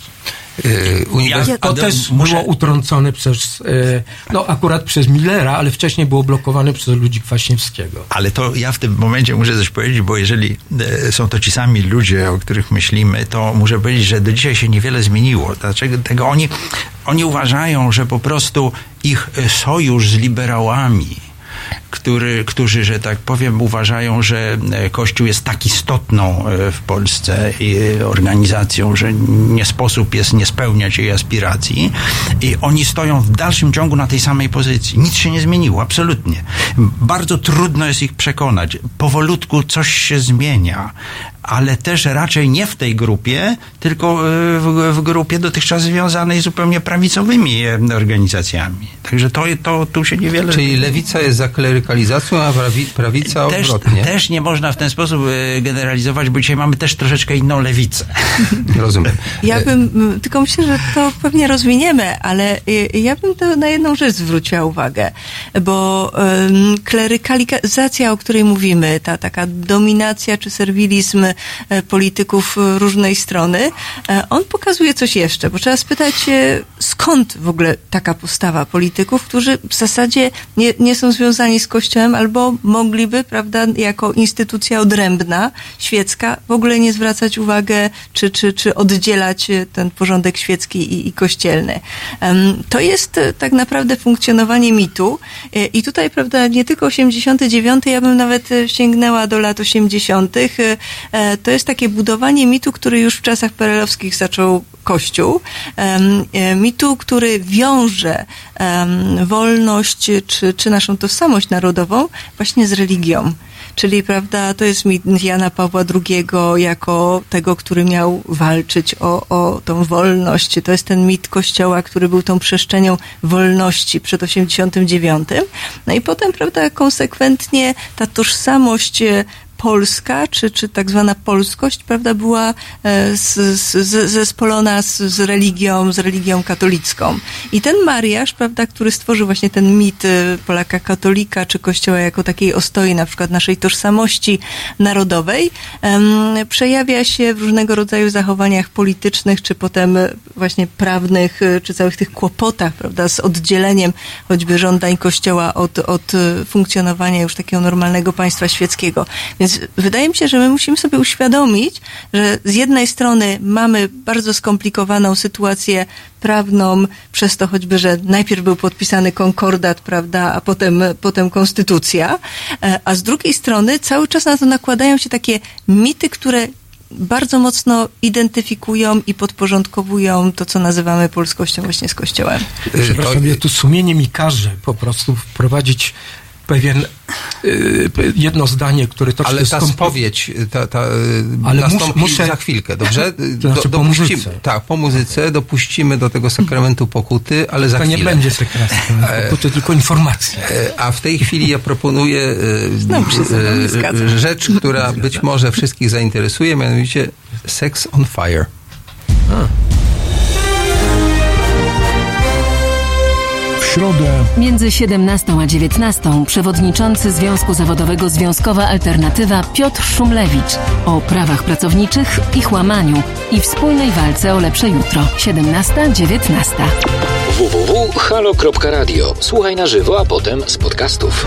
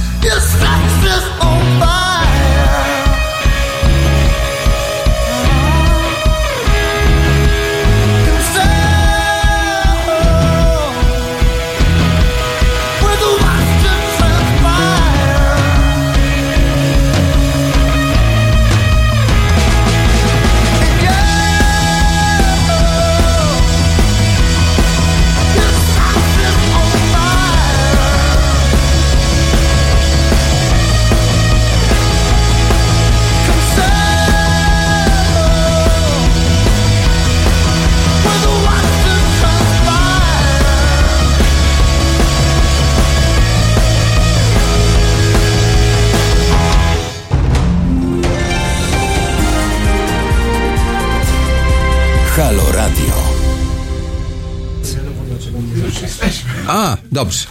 Dobry wieczór Państwu. Witam wszystkich tych, którzy teraz się włączyli w naszą interesującą dyskusję. Konrad Szołajski, Halo Radio. Nasi goście to profesor Joanna Heinderek, e, redaktor Andrzej Dominiczak i mecenas Mirosław Woroniecki. E, Jeśli dobrze zrozumiałem, bardzo ciekawy, ale trudny do zrozumienia wykład e, mecenasa, to z niego wynikało dla mnie coś takiego. Mianowicie, że nastąpiła pewna dość istotna zmiana zarówno w funkcjonowaniu kościoła, religii, jak i polityki. Mianowicie nastąpiła pewna fuzja. E, Kościół się spolityzował, e, a z kolei mm, rząd czy, czy władze się jakby sklerykalizowały, nastąpiło takie jak gdyby połączenie. E, Pewnego rodzaju taka synteza Sojusz tronu e, dążąca do takiego teokratycznego modelu. W pewnym sensie można popatrzeć na to historycznie, bo tutaj padały takie sformułowania, że to się zaczęło w 89, może w latach 80. Ja bym się cofnął jeszcze bardziej, mianowicie e, w latach wcześniejszych istniały rozmaite przecież koncepcje, czy to Dmowskiego, czy to innych prawicowych polityków, czy, czy publicystów. Piasecki na przykład i przed wojną, i po, po wojnie lansował taką teorię, szef Paksu.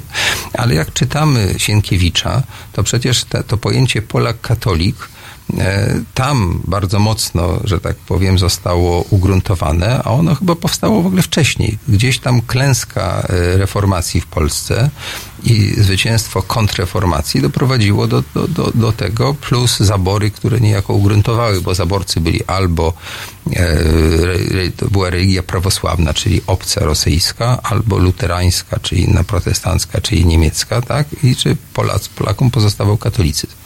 Ale też można popatrzeć na to w pewnym sensie pozytywnie, mianowicie tak. Był kiedyś spór cesarza z papieżem, prawda? Grzegorz, Henryk i tak dalej. To, kto, który to był wiek? XII bodajże.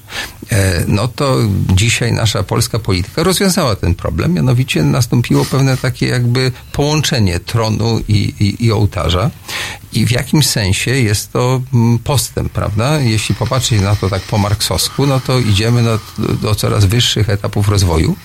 Znam też taką tezę, którą Agnieszka Holland, która jest nie tylko reżyserem, ale takim myślicielem, politykiem, którą lansuje, jeśli dobrze zrozumiałem jej tutaj zdanie, że to jest taki okres jak gdyby mm, no, pewnego, można powiedzieć, mm, pewnej przemiany wynikającej z tego, że już zapomnieliśmy o wojnie i różnych innych rzeczach i teraz e, jest to taka ostra szczepionka, tak, że jak już dojdziemy do takiego głębokiego, teokratycznego państwa, to potem to wahadło odbije. Tak? I w którymś momencie znowu będzie tak, jak na przykład było w Hiszpanii, tak? gdzie y, po takim okresie rządów mm, klerykalnych nastąpiły takie strasznie lewicowe. Co Państwo o tym myślicie? Czy to do tego prowadzi? I czy to nie jest w ogóle pozytywne z Waszego punktu widzenia, że im gorzej, tym lepiej? no nie jest pozytywne, ponieważ y, y, polaryzacja, jaka następuje, razem z, fas z faszyzacją wręcz, która nadaje charakter tej bardziej fanatycznej, kurczącej się, ale bardzo fanatycznej grupie, może rzeczywiście spowodować rozwój sytuacji podobny do tego, jaki miał miejsce w Hiszpanii, gdzie wbrew e, sugestii, która była w Twoim wstępie zawarta, nadal spór między Kościołem a społeczeństwem świeckim jest bardzo silny i tam wybory na zmianę wygrywa albo lewica, albo prawica. Jak wygrywa prawica, to jednak postęp jest, no oczywiście jakiś jest, bo jednak na całym świecie się dokonuje postęp w tej dziedzinie, ale w porównaniu z Europą naprawdę cywilizowaną, liberalną, to jest to postęp bardzo marny i wiele instytucji, na przykład armia hiszpańska jest bardzo pod wpływem kościoła i tam y, oczywiście w żadnej armii nie ma szeroko zakrojonej wolności osobistej, ale tam w dużej mierze ona jest ograniczana przez wpływy kościoła, obecność ludzi kościoła i tak dalej. To wiem od y, humanistów hiszpańskich. Więc ten model świeckości takiej ostro spolaryzowanej w porównaniu z modelem takim, jaki panuje w Europie Północnej, w Holandii, Belgii, w Niemczech, jest z pewnością o wiele gorszy i w ogóle nietrwały i niestały, bo wszystko zależy od tego, kto wygra wybory. Ale wracając na chwilę do wątku sprzed przerwy, ja to muszę powiedzieć, bo sumienie mnie cały czas gryzie. Tak, To tak, już- ta spowiedź to teraz już nastąpi. trwa, to nie będzie spowiedź, tylko informacja, bo tak moje sumienie działa, że chcę informacji więcej No, jak udzielić zwał, tak albo zwał, uzyskać. ale my tak No to więc, rozumiemy. Ponieważ ja przypisałem Aleksandrowi Kwaśniewskiemu i SLD główną winę za e, klerykalizację Polski, e, która, tak jak mówię, no, e, zaczęła się w tej ostrej politycznej formie po 1989 roku, a wcześniej oczywiście różne inne względy decydowały o tym, że była możliwa w tym 1989 roku. Chciałem jednak przyznać SLD, że w 1997 roku y, przyjęło ustawę y, liberaliz- liberalizującą przepisy o aborcji e, co jednak jest może nie dla mnie osobiście, ale generalnie w Polsce, no przede wszystkim dla kobiet, ale właściwie dla całej liberalnej Polski bardzo ważne. Jeżeli ta ustawa nie weszła do, albo tylko na kilka miesięcy weszła do polskiego systemu prawnego, to dlatego, że rzekomo prawdziwy Trybunał Konstytucyjny w tamtych czasach pod przewodnictwem profesora Cola uznał ją za sprzeczną z zasadami państwa prawa, z konstytucją. Bardzo obszerne było uzasadnienie, nie pamiętam go oczywiście. W każdym razie y, w SLD były i do dzisiaj są obecne osoby, no, żeby wymienić profesor Senyszyn, rzecz jasna, ale nie tylko, które jednak próbowały być jakoś wierne idei lewicowej przez cały ten czas, ale te osoby były no, w mniejszości i do dzisiaj są w mniejszości. Ale odpowie- Sumienie wyczyszczone. Dobra, odpowiadając na, na Twoje pytanie, e, ja bym powiedziała, że sytuacja jest e, jednak e, gro, groźna, bo patrząc prawda, globalnie, no to można zobaczyć, że w odpowiedzi gdzieś na, na choćby tą, tą taką rewolucję dojrzałej globalizacji lat 80., 90., ja tu mówię globalnie, prawda, nie tylko o Polsce, to em, w wielu regionach świata następ, nastąpiła taka w, w wieku XXI, na początku fanatyzacja. I to gdzieś widać właśnie w Polsce, bo tutaj mm, znowuż nie chodzi tylko o ten mariaż taki, prawda, tronu i ołtarza, e, ale chodzi o pojawienie się właśnie różnych fanatycznych grup, e, osób, które, które bardzo mocno, prawda, m, idą w tym kierunku em, religijności jako takiej obowiązującej, jedynej i najważniejszej. Na- Natomiast dlaczego ta sytuacja jest taka poważna? E, No patrząc choćby właśnie na już teraz konkretnie nasze podwórko, no w tym momencie, kiedy e, wskazuje się mm, na, tak jak to robi choćby Jędraszewski, o którym mówiliśmy, ale to jest tak naprawdę problem szerszy, to nie jest tylko jeden Jędraszewski, e, na ideologię gender, czy właśnie na ekologizm, to ostatnio chore, chore, chora idea, jako na coś, co jest e, złe, wrogie, no to zaczynamy, prawda, włączać hamulec i, i gdzieś, e, prawda, e, blokować e, zmiany, które powinny być wdrażane. No, czyli mówię tutaj z jednej strony o takim rozwoju, prawda, em, systemu demokratycznego, ale z drugiej strony no, choćby właśnie e, zmian prowadzących do, do e, ekologii, prawda? Więc tutaj em, instytucja Kościoła, która bardzo mocno, prawda, wcho- wchodzi w, w nasze życie polityczne i społeczne, plus e, właśnie taka ideologizacja i, i pojawianie się coraz silniejszej fanatyzacji, no, może przynieść w pewnym momencie bardzo, bardzo negatywne skutki, prawda? Bo część społeczeństwa zacznie dryfować e, w kierunku odwrotnym do tego, którym powinniśmy e, iść. Za dużo jest, e, powiedziałabym, współcześnie problemów, które powinniśmy zacząć rozwiązywać już. A my ciągle jakby wracamy do, do, do kwestii, które e, w zasadzie dawno temu w systemie demokratycznym zostały rozwiązane. Tak, ja w, w związku z tym, ale jeszcze chciałem pewną rzecz uzupełnić do tego, co Andrzej mówił, mianowicie SLD rzeczywiście się zachowywało w sposób dziwny, ale trzeba oddać sprawiedliwość przede wszystkim taką, że e, jak e, konkordat miał być ratyfikowany, to e, intencje rządu SLD-skiego w owym czasie najlepiej oddaje deklaracja rządowa z dnia 15 kwietnia 1997 roku w celu zapewnienia jasnej wykładni przepisów konkordatu między Stolicą Apostolską a Rzeczpospolitą. Ona w siedmiu punktach e, precyzuje punkt widzenia polskiego rządu i łagodzi wiele postanowień konkordatu, w- również odnosząc się między innymi do kwestii finansowych, jak gdyby podkreślając suwerenność państwa w e, e, u- re- regulowaniu wszystkich kwestii dotyczących no, między innymi podatków i innych rzeczy. To oczywiście być może nie ma, y, czy też nie miało jakiegoś y, decydującego, praktycznego wymiaru, dlatego że w ogóle deklaracja była kwestionowana. Niemniej jednak jest taki przepis konwencji wiedeńskiej traktatu, który mówi, że ona musi być uwzględniana przy kwestiach spornych dotyczących interpretacji konkordatu. Więc y, no, no, no nie można tak też jednoznacznie tych, tych rządów SLD-owskich um, e, oceniać, dlatego że Przecież to ówczesna- właśnie zrobiłem. no to ja wiem, tylko że jeszcze chciałem właśnie uzupełnić o tą kwestię oświadczenia rządowego, bo ono ma, ma istotne, istotne znaczenie. E, Natomiast jest inna kwestia zupełnie, która tak jak gdyby mnie interesuje bardzo i część członków Kongresu Świeckości, mianowicie realność tego wpływu Kościoła na państwo, bo e, to jedną rzeczą chyba jesteśmy zgodni, że ten wpływ Kościoła na państwo to nie jest wynik zapotrzebowania społecznego. E, Ani w Polsce, ani gdziekolwiek, jakim innym e, kraju, to mniej więcej 3 czwarte, 3 czwarte respondentów jest z reguły przeciwnikiem takiego wpływu instytucji kościelnej na państwo. Natomiast w Polsce jest troszeczkę inna sytuacja. To w Polsce Poczynają- społeczeństwo tego chce, a gdzie indziej nie? nie, nie, nie. W Polsce też nie chce. W Polsce też nie chce, ale jednocześnie trzeba o tym pamiętać, że Kościół jest w Polsce najpotężniejszą instytucją ekonomiczną. Ile setek tysięcy ludzi w Polsce jest ekonomicznie zależnych od Kościoła? 10 270 kościołów parafialnych oraz mnóstwo organizacji terytorialnych i personalnych. Caritas polskie, Caritasy diecezjalne, żeby tylko wymienić podstawowe rzeczy. My naprawdę mówimy o takiej instytucji, która poprzez swoje zakorzenienie e, nie tylko, że tak powiem, w, w świadomości społecznej, w poczuciu tożsamości polskiej i tak dalej, a również w takim typowym materialnym bycie i materialnej pozycji jest instytucją, z którą politycy muszą się liczyć, jeżeli nie chcą doprowadzić do jakiegoś istotnego konfliktu społecznego. My dzisiaj jesteśmy w przededniu takiego konfliktu.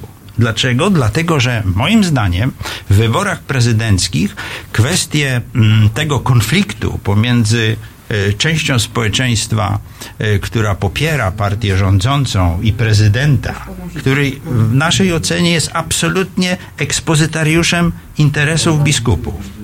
Tak, o czym świadczy zresztą nie tylko jego dotychczasowa działalność i jego, mm, e, że tak powiem, proweniencja, ale również jego ministrów, prawda? Szczerskiego, który pisał między innymi o Republice Wyznaniowej A w Polsce. fascynujące 2000. były te teksty No, pana Szczerskiego. Presję, tak, presję Ja bardzo lubię je 2005 czytać. To jest jedna z moich No. ulubionych lektur. No więc y, y, my nie mamy co do tego e, żadnych wątpliwości. Sprawdzaliśmy, jak wyglądała kwestia, kiedy Duda, mm, prezydent Duda mm, e, miał zawetować ustawy sądowe. To wszystko, że tak powiem, było sterowane przez y, biskupów. No, Ja To, chciałem... y, y, mamy Przerwa? telefon. Y, nie, nie przerwa. Mamy telefon. Potem wrócimy, bo też mam pewne myśli, którymi chciałem się z Państwem podzielić, ale najpierw może posłuchamy opinii czy pytania słuchacza. Dobry wieczór, słuchamy. E, Dobry wieczór Państwu. E, Piotr Ścielma z tej strony. Mm, Ja chciałbym e, jakby zaprezentować taką trochę inną koncepcję jakby e, w mm, nazwaniu religii, czym, czym ona jest. Bo z mojego punktu widzenia trzeba ją oddzielić od wiary zupełnie i nazwać ją tak naprawdę mm, systemem integracji społecznej korzystającej z takich narzędzi jak mitologia, archetypy, e, wprowadzenie jednolitego e, słownika symboli, które pozwala społeczeństwu na, du- na, na dużej powierzchni e, współpracować ze sobą i integrować ich i tak naprawdę e, umożliwia jakby tworzenie większych hierarchii, bardziej skomplikowanych e, społeczeństw, sporów i tak. I teraz moje pytanie jest takie. Czy nie byłoby rozsądnym, żeby stworzyć religię ateistyczną, która dostarczałaby te rzeczy nie tylko na bazie mitologii, powiedzmy, bo ona musi być, bo musi funkcjonować jakby słownik, e, jednolity słownik symboli, muszą być wprowadzone archetypy, e, ale dodatkowo jakby mm, wychodząc z różnych tradycji, które by integrowały już nie tylko jakby rzeczy związane z chrześcijaństwem, z pogaństwem, z szamaństwem, z buddyzmem i tak dalej, dodatkowo dorzucałaby do tradycji najnowsze elementy, które pochodzą z nauki, z psychologii, integrują te wszystkie elementy ze sobą I tak naprawdę wtedy mielibyśmy możliwość ciała, które przeciwważyłoby Kościół katolicki. Bo na chwilę obecną tak naprawdę to, co robimy, to jesteśmy masą wolnych elektronów, które oddzielają się w jakiś sposób od e, tego Kościoła katolickiego, ale jesteśmy jakby zdefragmentowani. Nie mamy siły, masy, którą ma Kościół katolicki. A tak naprawdę, mm, tak naprawdę to, co można byłoby jeszcze robić, to z mojego punktu widzenia Kościół katolicki robi jedną rzecz. On utrzymuje ludzi poprzez różnego rodzaju manewry, jak karmienie ich lękiem i tak dalej, i tak dalej, na bardzo niskim poziomie świadomości, co jest ogromnym problemem ze względu na to, że ci ludzie tak naprawdę poprzez wszczepianie katolickich norm nie mogą się z nami dogadać, bo problem polega na tym, że my do nich mówimy, ale to nie dociera, bo po prostu oni nie mają jakby ym, mechanizmów poznawczych, które, pozwala, które pozwolą nam się wzajemnie dogadać. A ich jest powiedzmy z 70%. Nawet, bo nawet ci, którzy od tego kościoła odeszli, bardzo często tkwią jeszcze nadal w normach i we wzorcach, które ten kościół w nich przez pokolenia tak naprawdę, bo on tkwi tutaj tysiąc lat. To nie jest tak, że, bo, bo tutaj roz, rozumiem, że Państwo rozmawiacie, e, że lata 80., 20., ale tak naprawdę trzeba sięgnąć roku praktycznie 966, bo wtedy to się zaczęło. No, zaczęło się chyba byłoby to- wcześniej nawet, znaczy- tylko że wtedy zostało no jakby tak, przestawione już mówię tak, na ten ja tak zachodni. Jakby, do, dokładnie, tak mówię w sposób jakby og- ogólnie nieprzyjęty, bo też, też nie chcę rozdzielać włosu na czworo oczywiście. Jasne, czyli rozumiem, pan ma taką propozycję, żeby tutaj mecenas Woroniecki stworzył taki nowy kościół ateistyczny jako prorok, którego, że tak powiem, prawą ręką Mhm. Nie, będzie nie, pani nie, nie, profesor. Hajderek, a, a lewą y, pan Dla tych redaktor proroków, Dominiczak. Jakby, bo to wtedy, wtedy, wtedy nie jest to ateistyczne. No nie, ale tak ja używam takich metafor, bo jesteśmy, jak pan sam dobrze, powiedział, okej. przeniknięci tym językiem, tymi kategoriami od setek tysięcy lat, tak? Więc nie mamy innego języka i nie potrafimy inaczej mówić. My, Mhm. Okej, nawet dobra, my, którzy jasne. jesteśmy jakby troszeczkę... Na, na razie nie mamy. Na razie. Może stworzymy jak, jakąś, jakieś nowe Esperanto. No to y, po, poprosimy naszych y, tutaj ekspertów, żeby się wypowiedzieli w tej sprawie. Ja myślę, że redaktor Dominiczak tutaj pięknie mam- odpowie, a potem pani profesor. szczególny tytuł do tego, żeby w tej sprawie powiedzieć dwa słowa, ponieważ uczestniczyłem już kilka razy w dyskusjach na ten temat, nie tylko w Polsce. Ponad y, rok temu w Niemczech y, miałem okazję i nawet przyjemność rozmawiać z byłym księdzem katolickim niemieckim, który to ksiądz, jak się zdarza, wielu księżom popadł było w niewiarę i zaczął głosić, że Bóg nie istnieje podczas nabożeństw w kościele. y, Nie pamiętam, w Hamburgu to było. Ale to on sprawował mszę z tymi wszystkimi takimi rytuałami łącznie, że tak powiem, No, z nie byłem y, obecny komunią. podczas tych nabożeństw, ale i też nie dopytywałem się o szczegóły. Bo u nas byłby aresztowany razie- zapewne za to. No nie wiem, w każdym razie w trakcie nabożeństw, nie wiem czy w którym momencie, mówił wielokrotnie, że Boga nie ma, co stało się jakimś tam problemem w Niemczech i został z kościoła usunięty przez episkopat.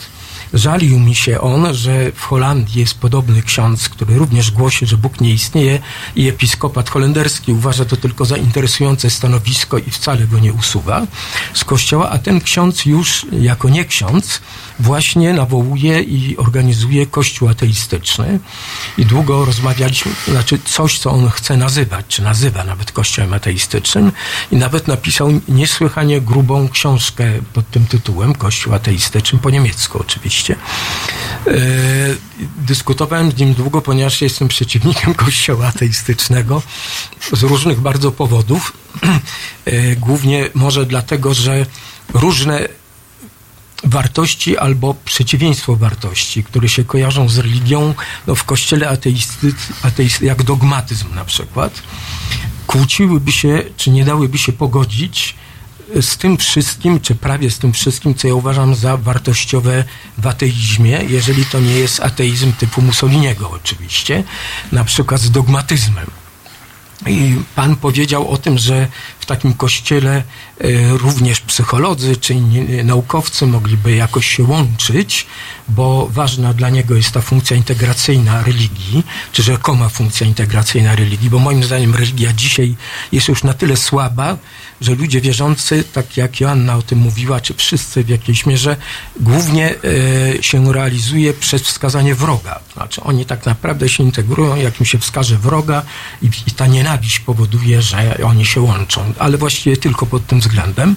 A z drugiej, jeszcze dokończę tę myśl, chciałem powiedzieć, że to e, my, jako to rozproszone elektrony, e, my się nie zintegrujemy, nawet gdybyśmy stworzyli Kościół katolicki, e, ateistyczny, przepraszam, ponieważ już taka jest natura osób krytycznych, wolnomyślicieli, w dodatku w polskich realiach, czyli y, kraju i kultury o niskim kapitale społecznym, że wystarczy maleńki byle konflikt, żebyśmy się raczej dzielili niż e, łączyli, o czym najlepiej świadczy sytuacja w ruchu na rzecz świeckości, humanizmu, ateizmu i tak który jest podzielony na maleńkie grupki i dalej się dzielnie dzieli. To nie znaczy, że wszyscy się kłócą ze wszystkimi. My tutaj na przykład Ale wewn- wprawdzie we- wystąpiłem wewnętrznie chyba też. z kongresu, no wewnętrznie to jest bardzo dobrze, bo Nie, nie, ale chodzi, że sam ze sobą też czasem chyba wchodzisz To w spór. powiedziałem, że to Aha. bardzo dobrze, bo to znaczy, że mam rozterki, a Okej. nie jestem dogmatyczny. Jasne. Dlatego między innymi nie ma sensu ani możliwości tworzenia kościoła ateistycznego, że my jesteśmy ludźmi właśnie z rozterkami, z sumieniem, którzy sami krytycznie myślą o sobie i o innych i dyskutują, ale też się kłócą. My nie możemy stworzyć monolitu, bo my jesteśmy wolnymi ludźmi obdarzonymi godnością, autonomią i tak dalej. I y, poważnie traktujemy na przykład myśl Johna Stuarta Milla, że ktoś, kto zna tylko własne stanowisko w jakiejś sprawie, niewiele o niej wie, więc szukamy innych opinii, ba- ważymy je, badamy, kłócimy się, To właśnie zmieniamy. arcybiskup Jędraszewski tak robi, to jest bardzo ciekawe. Ale ja- teraz... nie, e, zupełnie Ja bym tylko, e, Posłuchajcie, dodała. e, e, to za chwileczkę ja proponuję, żebyśmy teraz tak, że tak powiem, dla oddechu posłuchali James Bond, Iggy Pop, a potem dalej będziemy rozmawiali. Halo Radio. Nazywam się Adam Bodnar, pełnię funkcję Rzecznika Praw Obywatelskich. Szanowni Państwo, zachęcam Państwa do wspierania Halo Radio. Każda złotówka się liczy, każda wpłata, darowizna, stałe zlecenie na koncie. Ja również co miesiąc wspieram Halo Radio. Zachęcam Państwa również do tego samego. www.halo.radio ukośnik SOS.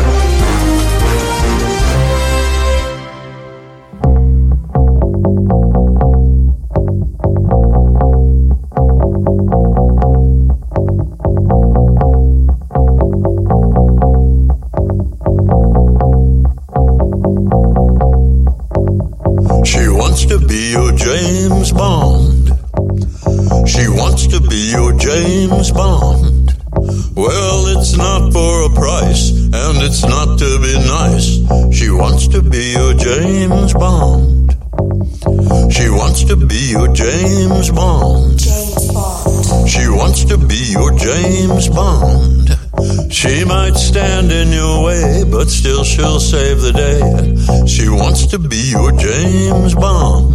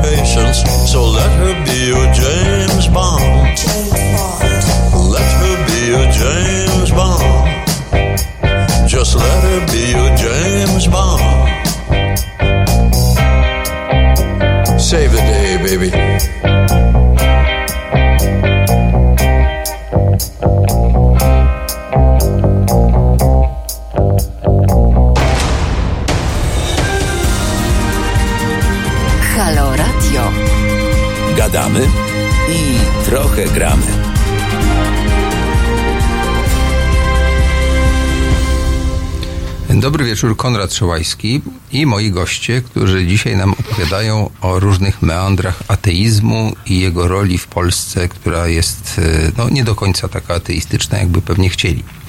Zatem jest to profesor Heinderek z wykładu, e, z Wydziału nie teologii, a filozofii, tak. E, Redaktor Andrzej Dominiczak, który reprezentuje tutaj ten taki zdrowy nurt ateizmu, taki centrowy bym powiedział. I mecenas Mirosław Woroniecki, adwokat, założyciel i prezes Stowarzyszenia Kongres Świeckości. E, I ja chciałem się podzielić taką moją refleksją, że mnie bardzo zaciekawiła ta książka, którą pisze niemiecki ksiądz, Mein Kirche.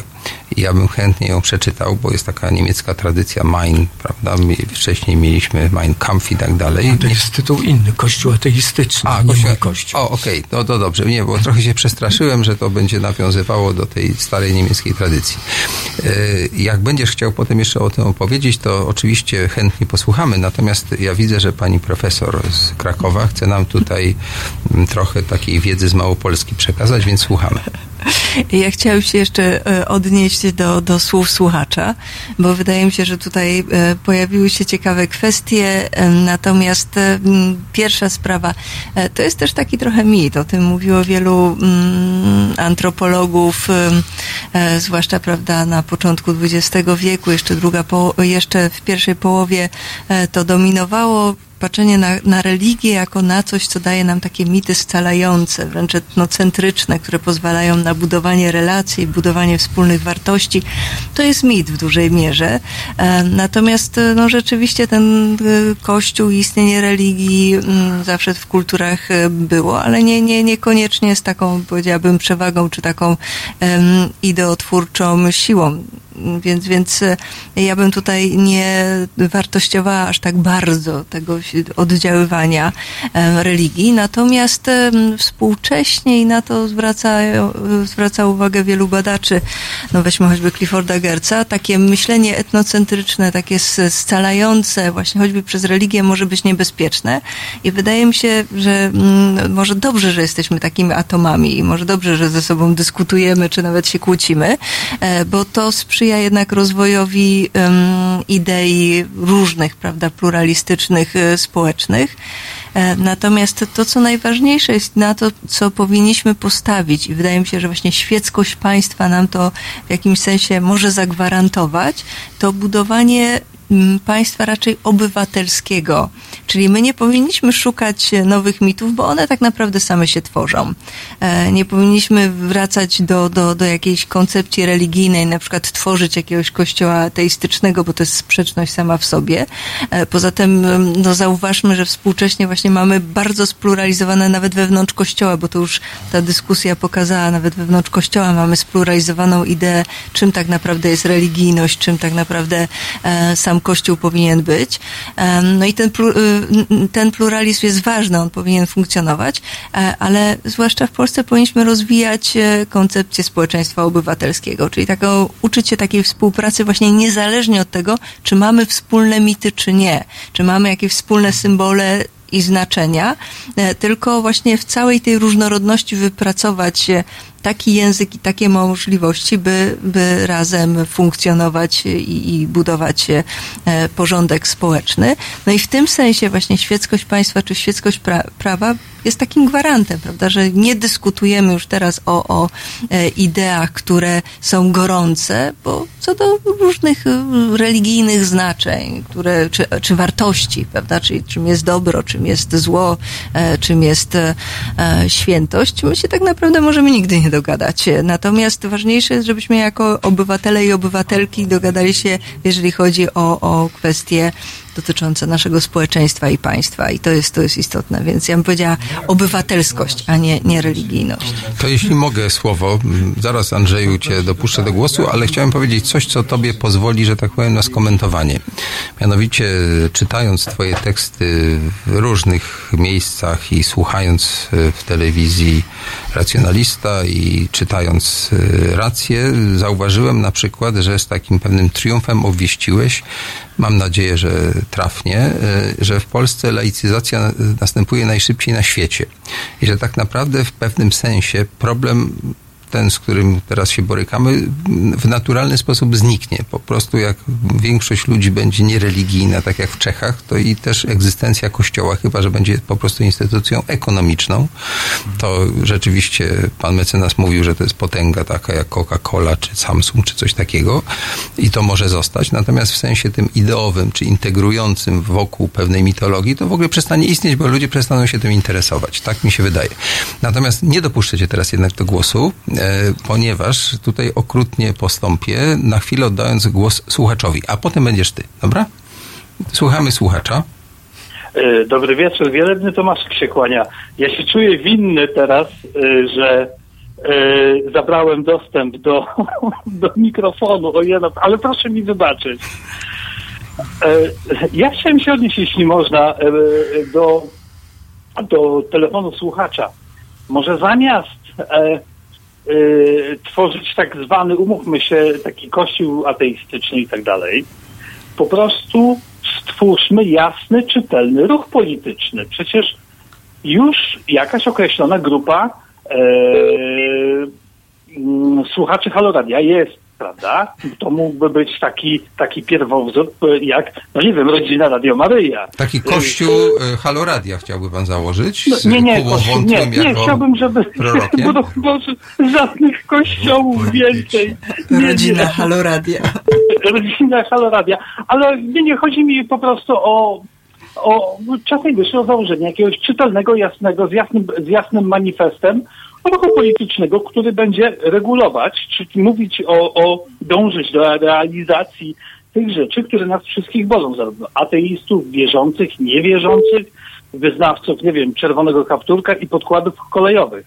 Chodzi nam wspólnie o, yy, o, świeckość państwa i taką rzeczywistą świeckość państwa. Już mamy bardzo wielu słuchaczy Więc myślę, że te normy prawne w stosunku do założenia partii byłyby, byłyby wyczerpane. E, Poza tym e, zaplecze intelektualne, które jest potrzebne dla budowy progresywnej jakiejś partii, jakiegoś rzetelnego, porządnego ruchu, zaplecze intelektualne jest, chociażby w postaci gości, których mamy dzisiaj w studio, prawda? Czyli zakładamy jeszcze- partię umiarkowanego postępu, tutaj z panią profesor, z panem mecenasem i z panem redaktorem. A ja będę tam jakiś PR robił medialnie, tam będę się... Ja jakoś mogę, ja mogę nawet udzielał. teczki nosić tam, jak tam trzeba. Ale, ale rozumiecie Państwo, o co mi chodzi. E, e, i, i, i, bo wiemy doskonale, że 30 lat, e, 30 lat o- od Okrągłego Stołu doskonale nam pokazało, że na jakiekolwiek partie, na ruchy opozycyjne, opozycyjne czy jakiekolwiek by one nie były, które deklarują się, że należy zrobić to, tamto i tamto w tej materii, o której mówimy dzisiaj, nie mamy na co liczyć, więc musimy wziąć sprawę w swoje ręce, prawda? Bo bez tego, no, no nie da się. Ja bym chętnie odpowiedział panu. Pomysł jest bardzo ciekawy, yy, także za chwilkę pan mecenas odpowie. To ja jeszcze jedną, jeszcze jedną rzecz i ucieknę, nie będę blokować linii i Okej. e, chciał, chciałbym się jeszcze odnieść do, do tej kwestii, która była wcześniej omówiona, ten wątek, żeby, że, że Kościół stoi ponad prawem i tak dalej. To ja byłem autorem tych wpisów. E, e, Szanowni Państwo, to, To nie o to chodzi. odpowiedziałem przecież. Ja wiem, ale to nie o to chodzi, że ja chcę, ja żądam wręcz, że, że sąd nie będzie rozpatrywać e, jakichkolwiek spraw, czy prokuratura nie będzie się zastanawiać, czy może postawić zarzuty, czy nie, tylko dlatego, że ktoś jest hierarchą kościelnym albo jest, nie wiem, hydraulikiem w lokalnym przedsiębiorstwie wo- wodociągowym. To nie może być tak, że bo akurat teraz sędziowie są w takim stanie, w jakim oni są, to czy y, czekamy na ich łaskę, albo nie łaskę, albo ktoś się zdecyduje, albo nie. To nie o to chodzi. Nie? Także to, to nie, nie, to niestety, ale to postawione jest wszystko na głowie tutaj w tej naszej Polsce i, i dlatego, dlatego mamy to, co mamy, prawda? Jasne. Proponuję, żeby pan zgłosił się do pana mecenasa. Pomoże panu sformułować ten wniosek do sądu.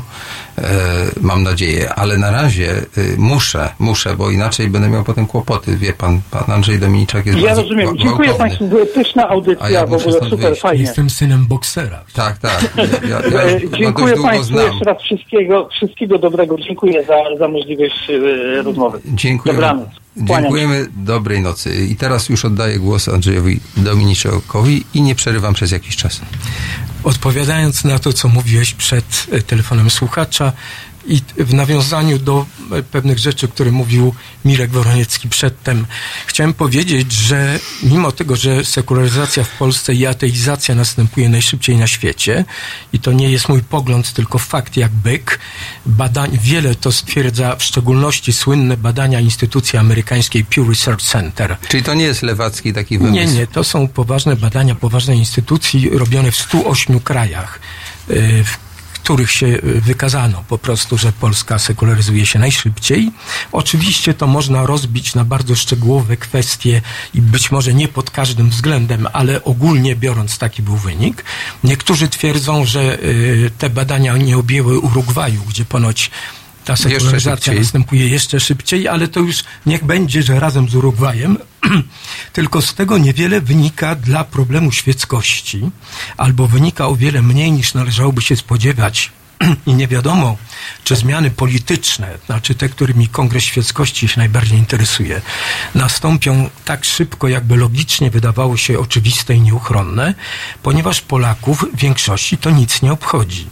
Znaczy Polacy odchodzą od religii, owszem, i to jest nawet, powiedziałbym, śmieszne, bo ludzie, którzy uczestniczą w, y, w pielgrzymkach lokalnych, na przykład na Mazowszu, czy w centralnych i praktykują w pewien sposób, że chodzą do kościoła, jednocześnie są de facto niewierzący lub wprost deklarują w rozmowie, w tak zwanym pogłębionym wywiadzie psychologicznym, że co najwyżej mają nadzieję, Oni, ich w ogóle nic nie obchodzi z tej dziedziny, która nas obchodzi i o której my tak rozmawiamy emocjonalnie, jakby to dla całego społeczeństwa było ważne. No właśnie, bo ateiści są najbardziej wierzący, tak badania, zawsze uważałem badania i tak pokazują widzę, że na jest. przykład, że Polacy są za liberalizacją aborcji, liberalizacją wielu rzeczy, tylko to nie ma znaczenia po prostu, ponieważ ci tak wybierają władzę, która jest za, od, dokładnie za odwrotnymi celami, za realizacją odwrotnych Czyli celów, bardziej ponieważ sekularyzacja będzie- Polaków co innego obchodzi. Tak, czyli im większa sekularyzacja, tym będzie po, po, pogłębienie tej teokratycznej wersji państwa. Dobrze nie, rozumiem? Nie, nie, źle rozumiesz. Oczywiście, ponieważ masz taką skłonność, żeby na wszystko odpowiadać dokładnym przeciwieństwem, a rzeczywistość nigdy tak nie działa. Oczywiście, że e, prędzej czy później partia autorytarna, która wyraża, że tak powiem, emocje i potrzeby dużej części czy większości ludu polskiego upadnie i partie liberalno-lewicowe zaczną prędzej czy później już zaczęły dostrzegać y, te zmiany, które następują i ta obojętność to idzie w stronę czegoś, co ja nazywam apateizacją, co jest obojętnością religijną, ale tak jak mówię, no zresztą w kręgu ateistyczno-świeckim jest cała masa ludzi, którzy popierają tę władzę, Mimo tego ja ostro polemizuję, czy kłócę się z tymi ludźmi często, ponieważ no nie rozumiem, jak ateista wojujący, no, który bardzo często podejmuje, angażuje się w różne działania ateistyczne, może popierać władzę, która, tak jak wcześniej mówiliśmy, chyba głównie Mirek, no, jest w ścisłym sojuszu z Kościołem, czy tworzy wręcz jedną instytucję władzy. No ale to się dzieje to jest możliwe i dzieje się dlatego, że ten człowiek jednocześnie jest zupełnie nieideowy, a popiera tę władzę, ponieważ jest radykalnie autorytarny.